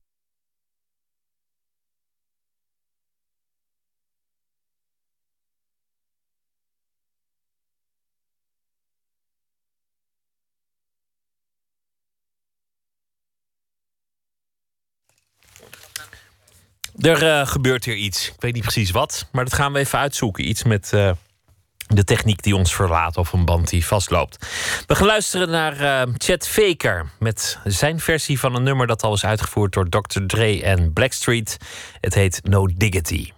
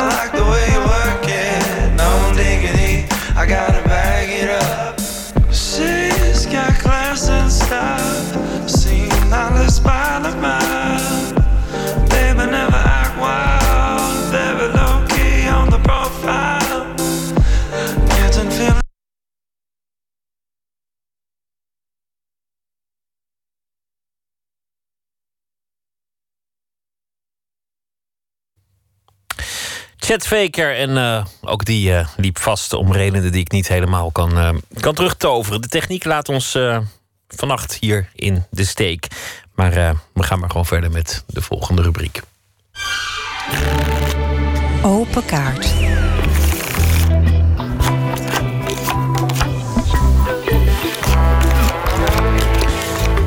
De bak met kaarten staat al eh, klaar en naast mij zit Roger Kremers. Hij is fotograaf. De tentoonstelling heet World War II Today. En die is vanaf morgen te zien in het Verzetsmuseum in Amsterdam. En het gelijknamige boek is vanaf eh, vrijdag te verkrijgen in eh, de Betere Winkel. Een boek met foto's ehm, over de Tweede Wereldoorlog, maar dan genomen in het heden. Plekken waar de Tweede Wereldoorlog nog tastbaar is, waar die nog te zien is. Welkom, Roger Kremers. Dankjewel. Hoe is dat begonnen, eh, die fascinatie voor de Tweede Wereldoorlog? Ehm, die fascinatie is er eigenlijk al van kind af aan in geweest, zeg maar. Zoals vele andere eh, jonge jongens eh, speelden wij vroeger oorlogje. Eh, of soldaatjes, mooier gezegd. En ehm, dat is eigenlijk altijd een beetje blijven hangen. Gewoon interesse voor geschiedenis, interesse voor eh, ja, de Tweede Wereldoorlog. En later als fotograaf eh, is dat voor mij een interesse, eh, ja, wederom interesse, een interessevak geworden, interesse, interessevlak geworden. Waar ik mij. Wat was de eerste reis tijdens welke jij dacht... nu is die Tweede Wereldoorlog net zo interessant om te fotograferen als, als toen? Wat, was dat Auschwitz waar, waar je was? Want dat was het eerste project waarmee jij bekend werd. eh, Ja, dat, dat gedeelte. ehm dit moet ik eigenlijk een stukje terug nog in de tijd, in 2002. Toen maakte ik een foto van een Amerikaanse toerist in Auschwitz met een eh, shirtje, een t-shirt aan, waarop stond van Laugh, it's an order. En eh, toen realiseerde ik mij dat dit is gek. Sowieso vond ik dat raar van deze man. Dat hij zo'n shirt aan had, juist op deze dag, op deze plek. Ongepast, ja. kan, je, kan je wel zeggen. Ja, vind ik zeer zeker. Ja. En in 2008 eh, ben ik toen teruggegaan naar Auschwitz. En dat om te onderzoeken in hoeverre eh, eh, deze vreselijke plek ehm, ook een toeristische functie gekregen had. En ehm, ik heb toen vijf dagen daar gefotografeerd, waar ehm, de serie die ik toen maakte, zeg maar echt het toeristengedrag op die plek uitkwam. En die serie is redelijk bekend geworden wereldwijd. En toen had ik wel het idee van, hé, hey, ik heb iets ik heb iets aangeraakt. Dus heel veel discussie kwam al los. En toen had ik het gevoel van... oké, hier moet ik dieper in gaan. Hier moet ik verder in gaan. Kijken inderdaad, waar staat die Tweede Wereldoorlog nu in onze samenleving? We herdenken hem heel veel, maar ook ja, we recreëren hem. Wat ik het, het mooie vond in die Auschwitz-foto's in der tijd... was wat dat het een aantal dingen deed. Ten eerste die, die paradox die je al met dat t-shirtje aangeeft. Het is toerisme geworden. We gaan s ochtends even naar Auschwitz... en dan gaan we smiddags lekker eh, lunchen. Ja. Die paradox die zat erin.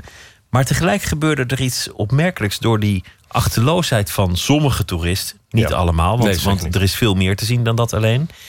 Wordt het contrast met die, met die plek groter? De, de narigheid van die plek werd pas echt zichtbaar... door dat contrast met die mensen die heel erg van nu zijn. In al hun gedaantes. En dat, datzelfde, dat, dat zie ik eigenlijk ook bij de, de andere foto's die je genomen hebt. D-Day, Stalingrad, bij, bij reenactments. Ja. Het, verleden komt tot leven doordat je het spiegelt aan het heden.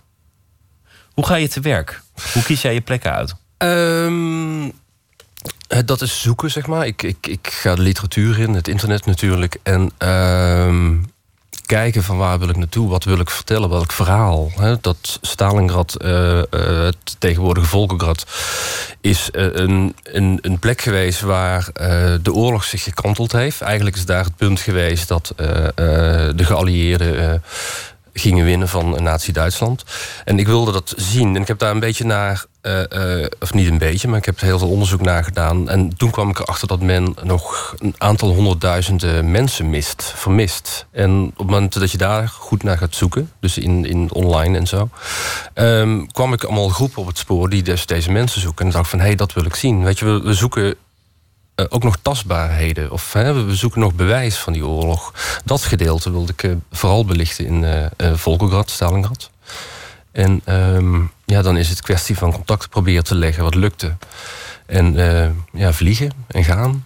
En meelopen en meegaan met die mensen. Ik zag één foto waar je, waar je ook echt beenderen ziet liggen en, en eh, een, een, een schedel ziet liggen. Ja. Is, is dat een authentieke schedel die je daar zo nog kunt vinden? Of is dat daar door iemand neergelegd om, om, om het decor wat eh, meer luguber te krijgen? Nee, die, deze schedel eh, samen met een aantal andere eh, resten van personen... dat zijn Russische soldaten, wat in een frontlinie lagen eh, 1942, eind 42... bij het dorpje Vasaljevski, zo heet dat, dat daar. Daar is nu niks meer. Vroeger was daar een dorp en was er ook een verdedigingslinie. En deze archeologen ehm, zijn gaan zoeken. Dus met oude stafkaarten van Defensie en andere oude kaarten van hier is gevochten. Dus deze mensen trekken eh, twee weken ongeveer, eh, deze groep. Ik heb een aantal dagen mee kunnen gaan. Erop uit met metaaldetectoren. En gaan kijken of ze die linie terugvinden uit de militaire aantekeningen en stafkaarten en zo. Dus er wordt met metaaldetectoren een heel gebied afgezocht. En opeens is er ergens een bliepje, om het zo maar te zeggen. Gaat men graven en dan uh, veelal vind je hulzen en kogels. En op het moment dat zij een aantal dagen bezig zijn, wordt een hele verdedigingslinie wordt blootgelegd. Dus je vindt allemaal schuttersputjes echt op een rij.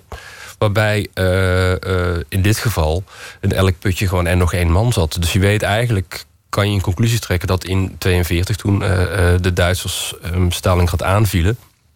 Deze mensen zijn in één keer gewoon overwalst. Kan, kansloos stonden zij daar uh, te verdedigen. En zijn dus letterlijk gewoon begraven in een eigen schuttersputje. En door de omstandigheden van oorlog en winterweer over die steppes... Uh, zijn ze eigenlijk begraven. En nou, 70 jaar later uh, heeft men ze weer opgegraven.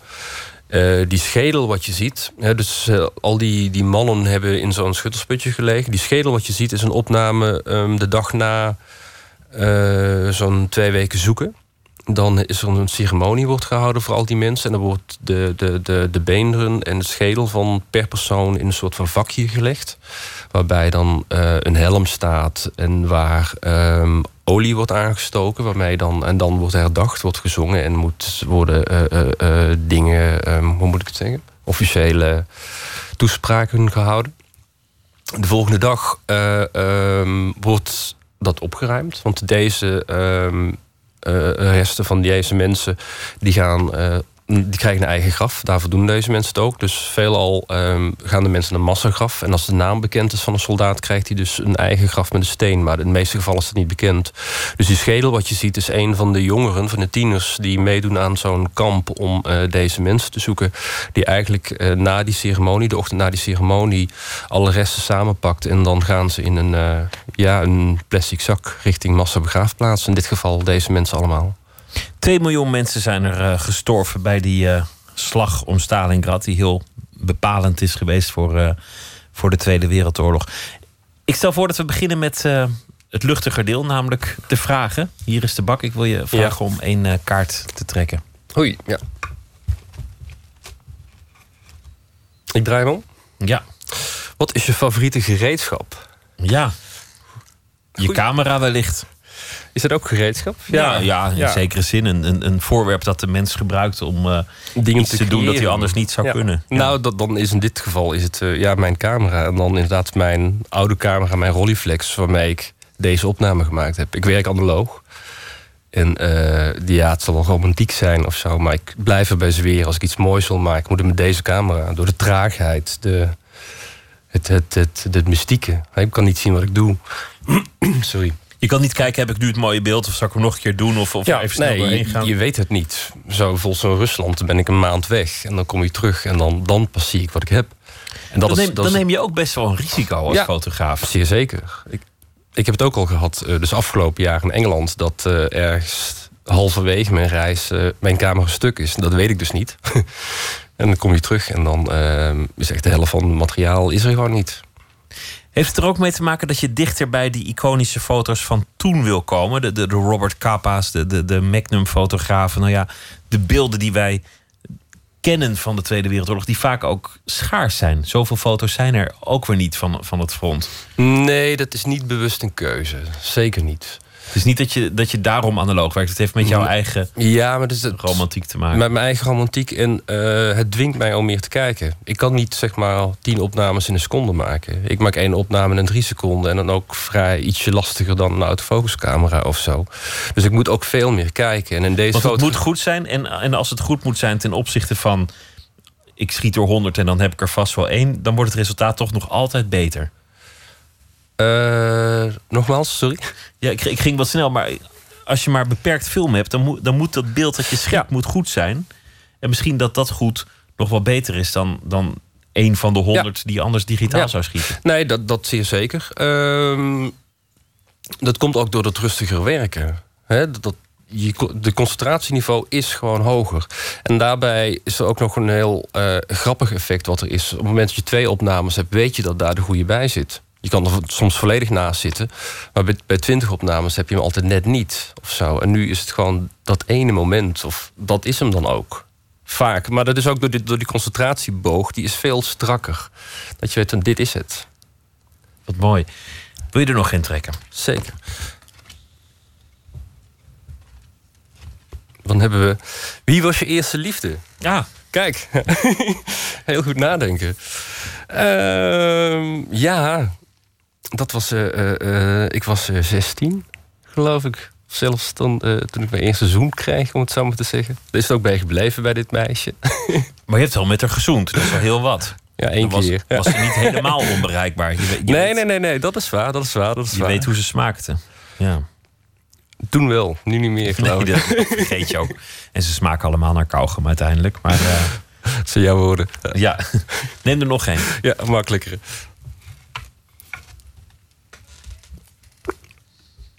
Is er iets dat niemand van je weet? Vast wel. Dat wil, dat, wil, je graag zo houden. Ja, nee, precies. Ik trek wel de juiste kaarten, geloof ik. Ja, ja. ja je, hebt echt... Uh, zit je mee? Uh, ja, nee, dat, dat zijn zeker zo. Dat zijn dingen die niemand van mij weet. En uh, ja, dat hou ik ook zo. Nou, vooruit. Beetje, beetje, ja, Doe nog Sorry, maar Pieter. Ik, nee, nee, je hebt gelijk. Wanneer heb je je enorm geschaamd? Dat is een goeie. Um, het gebeurt wel eens vaker. Um, stel, wat ik wel eens heb... Um, dat heeft ook weer, weer een soort van werk gerelateerd in deze. Misschien dat ik ook wel een privé vind. Zeker. Maar op het moment dat ik een... een uh, ik heb ooit iemand gefotografeerd, bijvoorbeeld. En dan moet je een tweede keer moet je langs. En die eerste keer heb je echt zoiets van... dat was niet echt de goede foto als ik een portret voor de krant maak. Of zoiets. En om dan die persoon weer te bellen. Van, hallo, hier ben ik weer, bij wijze van spreken. Drie jaar later, ik moet u nog eens fotograferen. Men, is, men heeft gevraagd Oh, ja. mij het fotografe- u te fotograferen. En dan eh, het Maar zo- misschien, misschien dat die ander die foto wel mooi vond. Dat, dat, dat hoeft helemaal niet. Nee, oké, maar dat, dat, dat, dat, dat hoeft niet wederzijds te zijn. Maar ik ga van, vanuit mij ga ik uit dat je denkt van oeh, uiteindelijk valt het dan ook wel weer mee en men relativeert wel. Maar ik heb het wel eens meegemaakt dat iemand soort van, eh, soort van boos was of zo. En dan schaam je wel heel diep en dan gaat die tweede foto gaat echt ook niet meer lukken hoor. Dat, eh, Daar kan ik me, kan ik me iets bij voorstellen. Met, met interview is dat trouwens niet heel anders Nee. dan met, met fotograferen. Als je ooit een, een, een niet geslaagde interview met iemand had, dan is het ook altijd gênant om, om, eh, om elkaar weer te treffen. Dat- ja, dat- zeker. Maar goed, weet je, dat kan ook van twee kanten komen. Of zo. Ik kan mijn dag niet hebben. Fotografie en radio maken is als het leven zelf volgens mij. Dus wat dat betreft. eh, ja, dingen lukken of, Ja. of, eh, of soms ook niet. Heb je wel eens chaîne in je werk? Omdat je op eh, gelegenheden komt. Bijvoorbeeld als mensen een veldslag naspelen. Of als er een herdenking is. Of als veteranen terugkomen. Je moet gewoon dat beeld hebben. En ook als iemand geëmotioneerd is. Een, een oude veteraan terug op het strand waar die kameraden verloor. Jij moet gewoon je werk doen.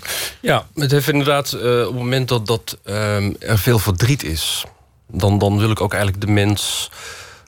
Uh, dat wil ik niet storen of zo. Dan loop ik met een camera opeens in, in, ja, in het gebied van verdriet heel dichtbij. En dan word ik echt wel dat ik denk van... oeh, dit moet ik niet doen of zo. Wil ik ook niet doen. En dan ook een stapje terug. Ik weet bijvoorbeeld, er zit die foto in, uh, in de expositie... en in het boek over herdenken... Uh, dat, dat heel veel mensen bij een graf, hele familie staat bij een grafsteentje. En daar heb ik echt wel uh, tijdje over moeten doen om een soort van contact te kunnen maken met die mensen. Van mag ik zeg maar in jullie gebiedje komen? En dan op een gegeven moment maak je een praatje en dan vinden ze het ook wel goed. Weet je wel, maar er gewoon op afrennen en fotograferen, dat, nee, dat moet ik niet doen. Zeker niet in dit soort omstandigheden. Dat siert je, omdat dat elke fotograaf er anders mee omgaat. En, en er is ook best iets te zeggen voor, voor de onbeschaamde methode van, van fotografen om gewoon die, uh, die lens maar te, te richten. Maar dit, uh, dit siertje. De fototentoonstelling heet uh, World War II Today. En die opent morgenavond in het Verzetsmuseum in Amsterdam. En het boek is vanaf dit weekend te krijgen. Dankjewel, Rocher Kremers. Dankjewel. Goed, net zat ik te kijken naar een computerscherm met zo'n kleurend balletje en een zandlopertje. En dan iets dat ronddraaide en niet deed wat hij had moeten doen. Computers hebben soms ook een eigen mening. Of er ging iets anders mis. Daar wil ik vanaf zijn.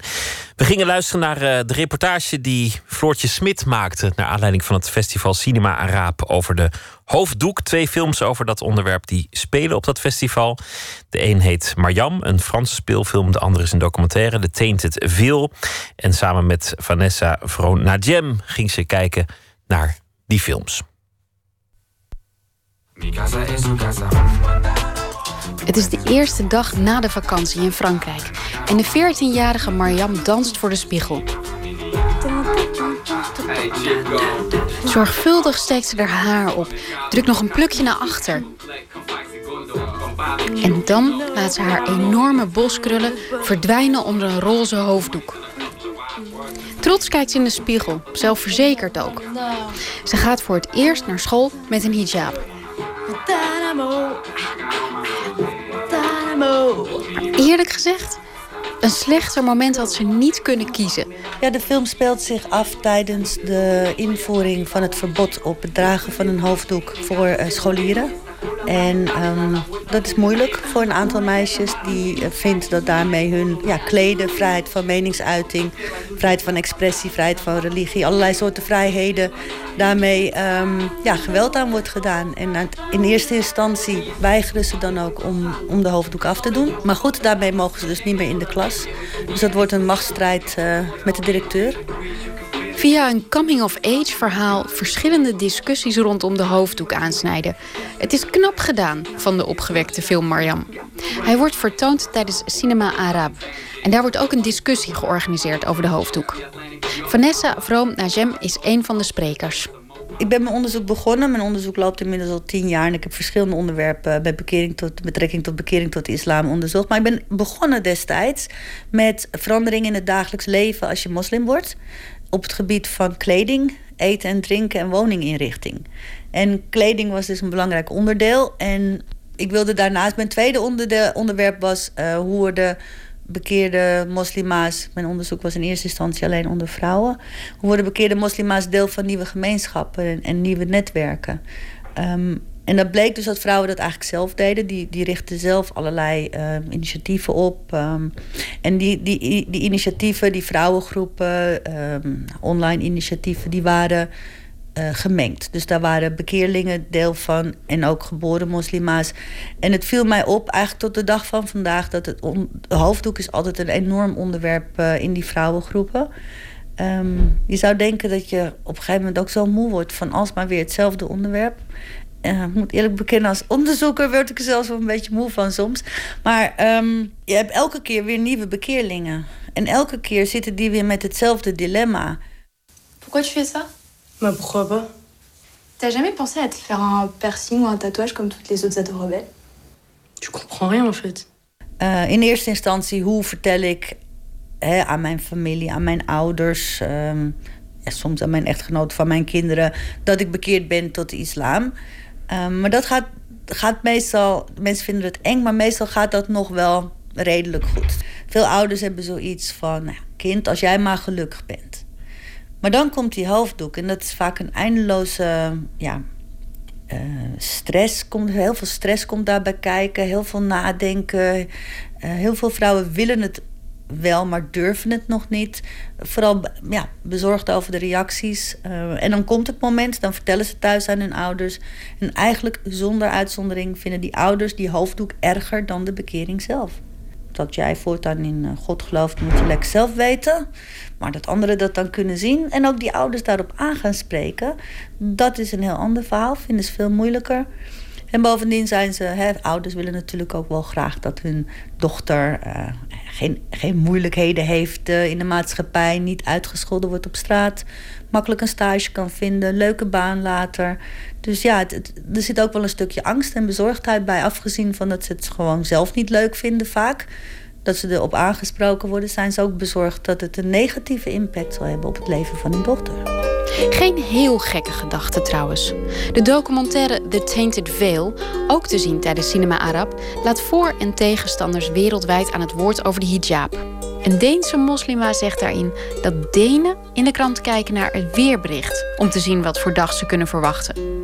Zij kijkt naar de nieuwsberichten over moslims om te zien wat voor dag het wordt. Je hebt nu in Nederland meldpunt islamofobie. Kan ik iedereen aanraden om daar een kijkje te nemen. En dan zul je zien dat 70% van de meldingen zijn vrouwen met een hoofddoek die op een of andere manier onheus bejegend zijn. Of zelfs agressief, hè, bespuugd of zelfs uh, klappen van hun fiets uh, getrokken, van de weg gereden. Ja, mensen kunnen heel erg onaardig doen tegen vrouwen met een hoofddoek. En um, vrouwen met een gezichtsluier in het bijzonder. En daarin kan je ook zien dat op het moment dat bijvoorbeeld uh, Geert Wilders uh, van de PVV in de Tweede Kamer iets onaardigs zegt over vrouwen met een hoofddoek of vrouwen met een gezichtsluier, niqab, vindt uh, gewone man en vrouw in de straat voelt zich echt empowered om ja, om, om zelf ook heel negatief te doen. En, en zelf ook te gaan schelden of, uh, of zelfs fysiek handtastelijk te worden. Maar ja, en er zijn ook vrouwen die nooit iets naars meemaken. Ja, sommige dingen, als je zelf een hele positieve uitstraling hebt, dan, dan roep je vaak ook positiviteit op. Dat, dat raden vrouwen elkaar ook aan. Wees de eerste die goedemorgen zegt. Uh, wees de eerste die glimlacht. Uh, probeer jezelf zo goed mogelijk te presenteren. Doe geen zwarte hoofddoek aan naar je ouders, want dan denken ze dat je een extremist bent geworden. Ja, dat soort tips worden heel veel uitgewisseld. De motivatie om een hoofddoek te dragen zit dus diep. Er zijn talloze redenen waarom vrouwen ervoor kiezen, blijkt uit de documentaire The Tainted Veil. Volgens het onderzoek van Vanessa Vroom naar Jem is het in eerste plaats uit religieuze overtuiging. Maar er speelt meer mee. Eigenlijk verwoordt Mariam het het mooiste in de speelfilm. je me sentais tellement en sécurité, tu vois, quand j'étais là-bas, que que je voulais, re, je voulais être tout le temps la, la Mariam warrior, la Mariam invincible. C'est pour ça que j'ai pas voulu l'enlever, parce que parce que je voulais emmener cette sensation avec moi. Ze voelde zich krachtig tijdens haar bedevaartsreis, vertelt ze. En dat gevoel wilde ze vasthouden. Daarom wil ze die hoofddoek niet afdoen. Ondanks dat ze niet naar school kan. En ondanks dat haar eigen vader Mordicus tegen is. Het kwam mij heel bekend voor, al die vrouwen die ik heb geïnterviewd. De hoofddoek geeft me rust. De hoofddoek geeft me uh, een gevoel van veiligheid. Um, ik voel me fijn als ik hem draag. Ik voel, ik voel me veilig als ik hem draag. De, de, verhaal, zoals zij dat presenteert, ik vond het heel natuurgetrouw. Zoals zij het presenteert in, uh, in de, Het is natuurlijk geen documentaire, het is gewoon volgens mij gedramatiseerde film met een uh, scenario. Maar zoals dat scenario geschreven is, dat is heel erg waarheidsgetrouw uh, als ik het vergelijk met, met wat ik tegen ben gekomen in mijn onderzoek. Iedereen heeft wel een mening over het dragen van een hoofddoek, moslims en niet-moslims. Een juf wilde er een op een openbare school dragen en kreeg een mediastorm over zich heen. Stewardessen weigeren op Iran te vliegen omdat ze er daar eentje om moeten. Moslimmeisjes lopen stages mis. En dat zijn alleen nog maar wat nieuwtjes van deze maand. De Veel laat voor- en tegenstanders aan het woord. Het is maar een stuk stof verzucht een van de spreeksters tenslotte. Wat doen mensen toch moeilijk? Eerlijk gezegd, ik vraag het mezelf ook wel eens af. Want ehm, het bedekken van je hoofd is echt niet exclusief uh, islamitisch. Of uh, alleen maar een gebruik wat, uh, wat je onder moslims ziet. Maar het is natuurlijk wel zo dat. Um, en als ik het even beperk tot Nederland, dat sinds de jaren zestig er een um, ja, gevoel is dat ja, hoe meer je uittrekt als vrouw, hoe, hoe vrijer je bent. En hoe meer je aantrekt, hoe onvrijer je bent. En dat het dus een, een keuze kan zijn om je armen en je benen en je hoofd te bedekken in de zomer. Dat gaat er bij mensen gewoon niet meer in. Die denken dat moet wel opgelegd zijn door iemand. Uh, opgelegd door je vader of je echtgenoot of je broer. Of zelfs als je persoonlijk zou vinden dat het opgelegd is door God, vinden mensen dat nog steeds eigenlijk helemaal niet meer kunnen. Plus, en dat is een ander punt, is dat er natuurlijk een enorm proces van secularisatie heeft plaatsgevonden. Uh, religie is steeds meer uh, vanuit het openbare leven uh, naar de privésfeer verbannen. Dat komt natuurlijk in, in de documentaires en, en, en de film Mariam ook goed tot uitdrukking. Kan, wat zijn de grenzen van religie in, in de publieke sfeer? Daarbij zie je dat um, nou, naarmate dus de kerkelijkheid in Nederland afneemt... men ook vindt dat dat steeds meer, um, ja, dus ook niet meer te zien moet zijn. in het hele debat wordt aan moslima's niet zoveel gevraagd. Er wordt een beetje uh, natuurlijk gediscussieerd of het wel bij Nederland kan... en of het wel uh, politiek gepast is en of het wel... Uh, nou, enzovoort, enzovoort. Maar dat zie je natuurlijk ook in die, in die meer gedramatiseerde film Mariam. Zie je dat natuurlijk goed. Dat aan dat meisje zelf wordt niet zoveel gevraagd. En wat zij graag wil, ja, dat kan niet. Dus ja, dat, dat gebeurt natuurlijk wel vaker. Zeker in Nederland wordt wel gezegd... ja, een moslimvrouw en islam is zo uh, vrouwonvriendelijk. Maar als je dan kijkt hoe, hoeveel stem moslima's krijgen in dit hele debat... en hoe serieus hun, hun verhaal wordt genomen... als een moslima zegt, nee, die hoofddoek draag ik uit eigen beweging... of als ik een stapje verder ga, die gezichtsluier draag ik uit vrije wil... Ja, dan uh, vinden veel mensen dat een... Uh, ze, ja, dat is vals bewustzijn, dat zegt ze nu wel... Maar dat, uh, ze weet eigenlijk niet beter. Nou ja, dat vind ik nou niet echt iemand serieus nemen of iemands verhaal serieus nemen. En ja, ik denk dat we iets meer zouden kunnen focussen op de agency van moslimvrouwen. Uh, en dus gewoon vragen wat zij zelf vinden. En dan zul je ook bij hen een heel scala aan meningen horen.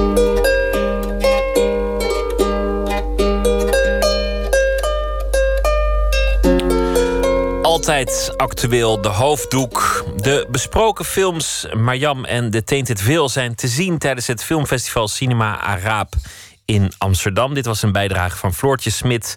En uh, zij sprak met Vanessa Veron Najem, die onderzoek doet naar bekeerlingen. En uh, het debat, de liberale hoofddoek, dat is ook tijdens dat festival vrijdag 22 april. Dat is aanstaande vrijdag om 5 uur. We gaan luisteren naar uh, een Engelse folkgroep, die Unthanks. Vorig jaar maakte zij een album Mount the Air. En het lied uh, dat we draaien heet ook zo.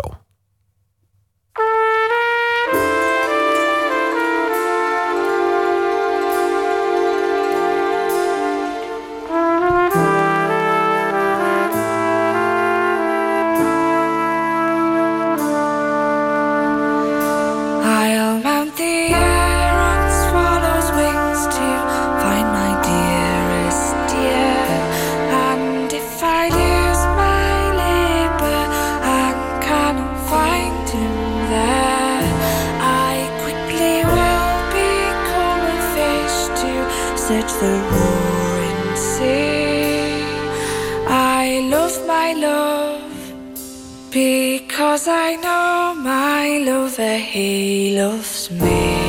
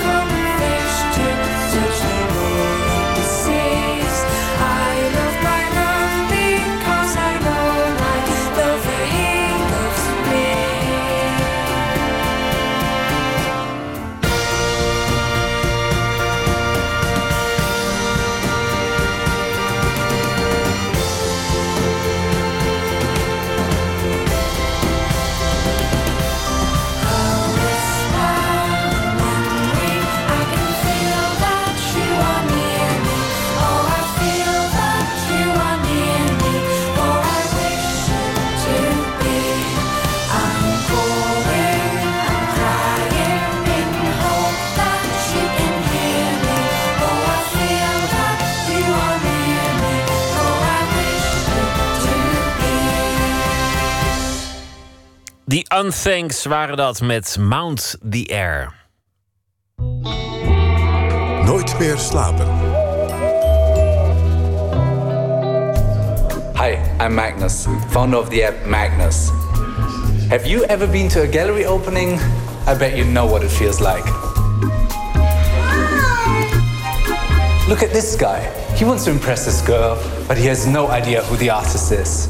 Now there is hope. Open the app, take a photo of the artwork, and the app tells you everything you need to know. De stem van de hippe kunsthandelaar Magnum Rasch. En eh, hij is de bedenker van een app, zoals hij net al eh, fijn uitlegde, die ook Magnus heet. Tom Klaas is nachtcorrespondent. Wat eh, is dat voor app? Ja, die app van eh, Magnus die herkent kunstwerken, schilderijen om precies te zijn. En die Magnus Rasch is een 31-jarige Duitse kunsthandelaar. Hij woont in New York en hij is daar... eh, nou ja, althans, hij ziet er zeer succesvol uit, zou ik maar zeggen. En hij heeft een behoorlijk fascinerende app gemaakt. Het is eigenlijk een soort Shazam voor beeldende kunst. Shazam, dat eh, zet je op je smartphone en dat hou je in de lucht... als je een liedje hoort wat je leuk vindt. En dan herkent die app het liedje, titel Ook, en ook als je het uitvoerende. liedje niet leuk vindt, herkent hij het trouwens. Ja, dat is waar, maar dan doe je het meestal niet. Nee, dat is waar. Maar inderdaad, hij herkent ook niet leuke liedjes. Eh, en dit is dus een soort Shazam voor beeldende kunst. En die app die herkent een enorme hoeveelheid kunst. En dat is dan weer aangeleverd aan de hand van crowdsourcing. Zo werkt eh, Wikipedia ook. Gebruikers leveren de inhoud, de gegevens en de afbeeldingen aan. En het werkt ongeveer zo. Je downloadt dus die app fotografeert er een kunstwerk mee en de app herkent het werk en daarna geeft die app je allerlei aanvullende informatie over dat werk, wie het gemaakt heeft, waar het hangt, wanneer het gemaakt is en vooral wat het kost. Want dat is het belangrijkste. Wat is het waard? Ja, in dit geval wel. De, berichten die ik vandaag overal heb gelezen over die Magnus-app, die deden iets anders vermoeden, maar dat is nu wel echt het allerbelangrijkste. Het is namelijk een commercieel initiatief. En Rage is een kunsthandelaar, dat geeft verder niet. Maar op de redactie vroegen we ons wel meteen af: zou er ook zo'n app bestaan voor in musea, voor educatieve doeleinden en ter verstrooiing? En toen las ik ergens op internet over iBeacons. En iBeacons, dat zijn kleine zendertjes die hangen in musea. En die kunnen informatie naar een app op je smartphone sturen. Ze hangen bijvoorbeeld in het Groningen Museum. Dit is Steven Kolsteren, hoofd educatie van het Groningen Museum. De zendertje pikt het signaal op en eh, stuurt dat weer naar je telefoon en naar de app. En die zegt, ik sta voor dat schilderij. En dan krijg je dus toegespitst de informatie. Daar kan bijvoorbeeld eh, een, filmpje bij zitten. eh, iets wat je dus eh, niet ziet op dat moment op zaal, maar wel op je app kunt zien. Of bijvoorbeeld een muziek die we hebben laten componeren door muzikanten die zich geïnspireerd zijn door dat kunstwerk. Dus die app helpt je of de iBeacons ondersteunen je om door middel van die app door het museum te wandelen en op zaken geattendeerd te worden die je anders misschien niet zou opmerken. Ja, geen commercieel belang, of in ieder geval minder. En bedoeld dus ter verbreding en verdieping van je museumbezoek. Maar dat werkt alleen in het Groninger Museum, begrijp ik. Of, of zijn Ja. er ook andere? Het is, een, het is een behoorlijk nieuwe ontwikkeling. En eh, het Groningen Museum loopt er een beetje in voor. Er zijn meerdere musea in Nederland met vergelijkbare projecten bezig. Het Rijksmuseum in Amsterdam bijvoorbeeld. En het idee daarachter is vrijwel altijd hetzelfde. Die iBeacons en die app die bieden context en een verhaal bij een bestaand kunstwerk. En ze lokaliseren jou dus tegenover dat kunstwerk in de ruimte. Eh, voor wie dat wil trouwens, want lang niet iedereen die zit op eh, allemaal aanvullingen te wachten. Volgens adviseur en cultureel ondernemer Johan Idema zijn er ook veel museumbezoekers die alleen maar willen kijken. Die hoeven helemaal geen filmpjes of uitleg of extra stukken tekst naast het bordje dat er toch al hangt. Ehm, en die toelichting en dat verhaal dat je krijgt van die app, die blijft ook bij je. Die mag je mee naar huis nemen. En dat mag met een schilderij dan weer niet. Het mooiste zou natuurlijk zijn, en dat gaat ook vast wel een keer gebeuren, is één app voor alle musea in Nederland. Of waarom niet meteen van Europa of de wereld. Ja. Want anders dan, dan heb, je weer, eh, heb je weer zoveel apps op, op die telefoon. Ja, voor je het weet eh, staat inderdaad je hele telefoon vol met eh, allemaal Hollandse en Europese en wereldse museum-apps. Ehm, dat samenwerken, dat zou heel mooi zijn, maar dat is erg eh, moeilijk. De culturele sector werkt volgens diezelfde Johan Idema nog trager dan eh, de commerciële. En dat maakt zo'n duidende en gepersonaliseerde museum-app nog een beetje ver weg. Maar het is inderdaad zeker wel een ideaalbeeld. Nou ja, op het moment dat je het wel echt samen kan doen met heel veel musea, dan wordt het natuurlijk een stuk interessanter. Want dan kan je als gezamenlijke musea zeggen: kijk, we hebben allemaal één app hebben we voor iedereen. Dan kan je bij al die musea terecht. En die app vertelt je over dat schilderij, over eh, dat beeldhouwwerk, wat jij wil weten. Ja, en daar is Steven Kolsteren van het Groningen Museum het natuurlijk mee eens. Het archief, om het zo maar even te zeggen, wat je verzameld hebt, eh, blijft bewaard. En het lijkt me inderdaad heel mooi dat, eh, dat mensen die een museum bezoeken, bezoeken vaak natuurlijk meerdere musea, dat die zo een soort collectie kunnen opbouwen hè, van, van, eh, van, van meerdere musea. Allemaal mooie plannen. Wat, wat is er eigenlijk al aan, aan apps? Nou, aan apps nogal veel. Eh, Nee, op, op dit vlak bedoel ik dan ja, ik begrijp het. natuurlijk. Eh, Ja. nee, de, Johan Idema die, eh, ontwikkelde kort geleden al Wolfgang. Dat is een app voor bezoekers van klassieke muziekconcerten. Hij vertelt zelf even wat die app precies doet. Ja, ik denk dat het, dat het verschil wat een, een goed verhaal of goede context kan maken in het goed begrijpen en beleven van kunst, dat dat enorm is. Dus dat we veel meer de aandacht zouden moeten richten op hoe presenteren we kunst. En eh, dat heb ik ook in de klassieke muziek gedaan door een app te initiëren die eh, op het moment dat de muziek speelt, hè, dus in de concertzaal zit je met die app, dan vertelt die app je als een soort gids van eh, wat je op dat moment allemaal hoort. En dus als ik de trompet hoor tetteren of ik hoor de muziek opeens enorm vertragen of versnellen, dan vertelt Wolfgang, hè, Wolfgang zo heet die app, die vertelt dan wat er gebeurt en wat het betekent. Het is eigenlijk een soort eh, tom-tom voor klassieke muziek, zeg ik wel eens. En dat terwijl over het algemeen de mobiele telefoon en het klassieke concert niet echt vrienden van elkaar zijn. nee, nee, Hoewel anderen eh, daar anders over denken, zou ik wel eens willen dat mensen dat ding gewoon thuis lieten. Ja, nou je bent niet de enige. Het ligt in die lichtelijk eh, conservatieve wereld ook erg eh, gevoelig. Maar volgens Idema is de opmars van de smartphone in alle geledingen van ons leven toch niet meer te stoppen. Dus verzet heeft geen zin. Beter maar accepteren. Bovendien geeft die Wolfgang, ik heb hem vanmiddag even gedownload, weinig licht en hij maakt geen geluid. Eh, dat stelt de mensen die sowieso geen mobiele telefoon in de zaal willen nog altijd niet tevreden natuurlijk. Ehm, maar wel de mensen van de Spin Award. Hij is daar namelijk voor genomineerd, Wolfgang. Die awards die worden morgen uitgereikt. En 30 april begint in Groningen in het museum de tentoonstelling De Nieuwe Wilden. Over een groep Duitse punkschilders uit de jaren 80. En bij die tentoonstelling wordt zeer uitvoerig gebruik gemaakt van de iBeacons daar in het museum. En die Groninger Museum app. Nou, de parate kennis is eh, nergens meer voor nodig, zou, je- zou je bijna zeggen. Fijn zo. Tom, dankjewel. Goeienacht. Goeienacht. Tjitske Jans is dichteres en deze week zal ze elke nacht een eh, gedicht uitkiezen en voordragen. In 2003 debuteerde zij met de bundel Het moest maar eens gaan sneeuwen. Vier jaar later volgde haar tweede bundel, Curriculum. En in 2014 debuteerde ze als proza-schrijver met Voor altijd het laatst. Het gedicht dat ze deze nacht heeft uitgekozen is van Erik Bindervoet. De titel is Familie.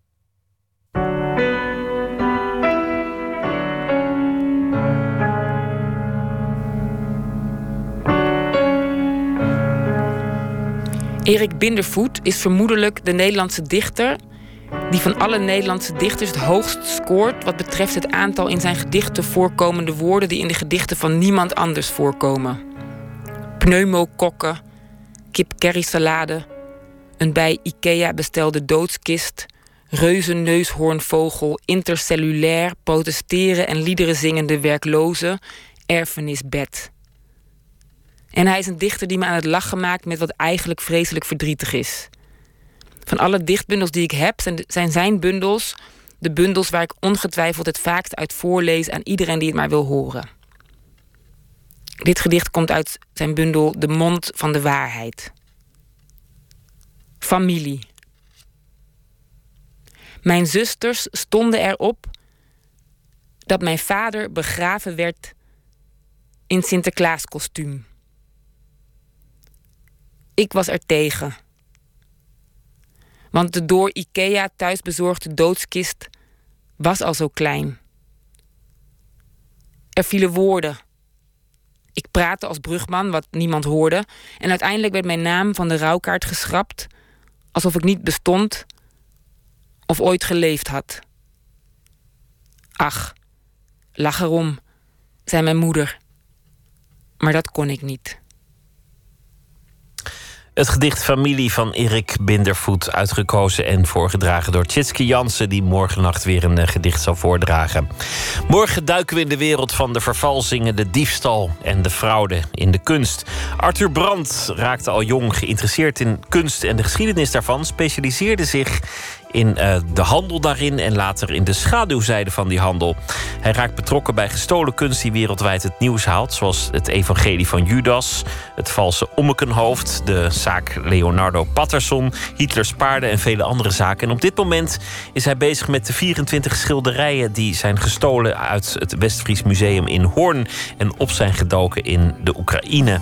En hij eh, zal morgen vertellen over. Eh, de wereld van de kunstdiefstal, de fraude, het terugvinden van gestolen doeken en het onderhandelen met schurken.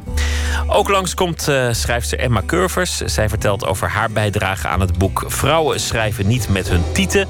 Dat gaat over feminisme en uh, hoe moeilijk dat ligt in de hedendaagse wereld van social media en reaguurders en dat soort omgevingen. Dat allemaal morgen in Nooit meer slapen. Nu een hele goede nacht en morgen een leuke dag en graag weer tot morgen.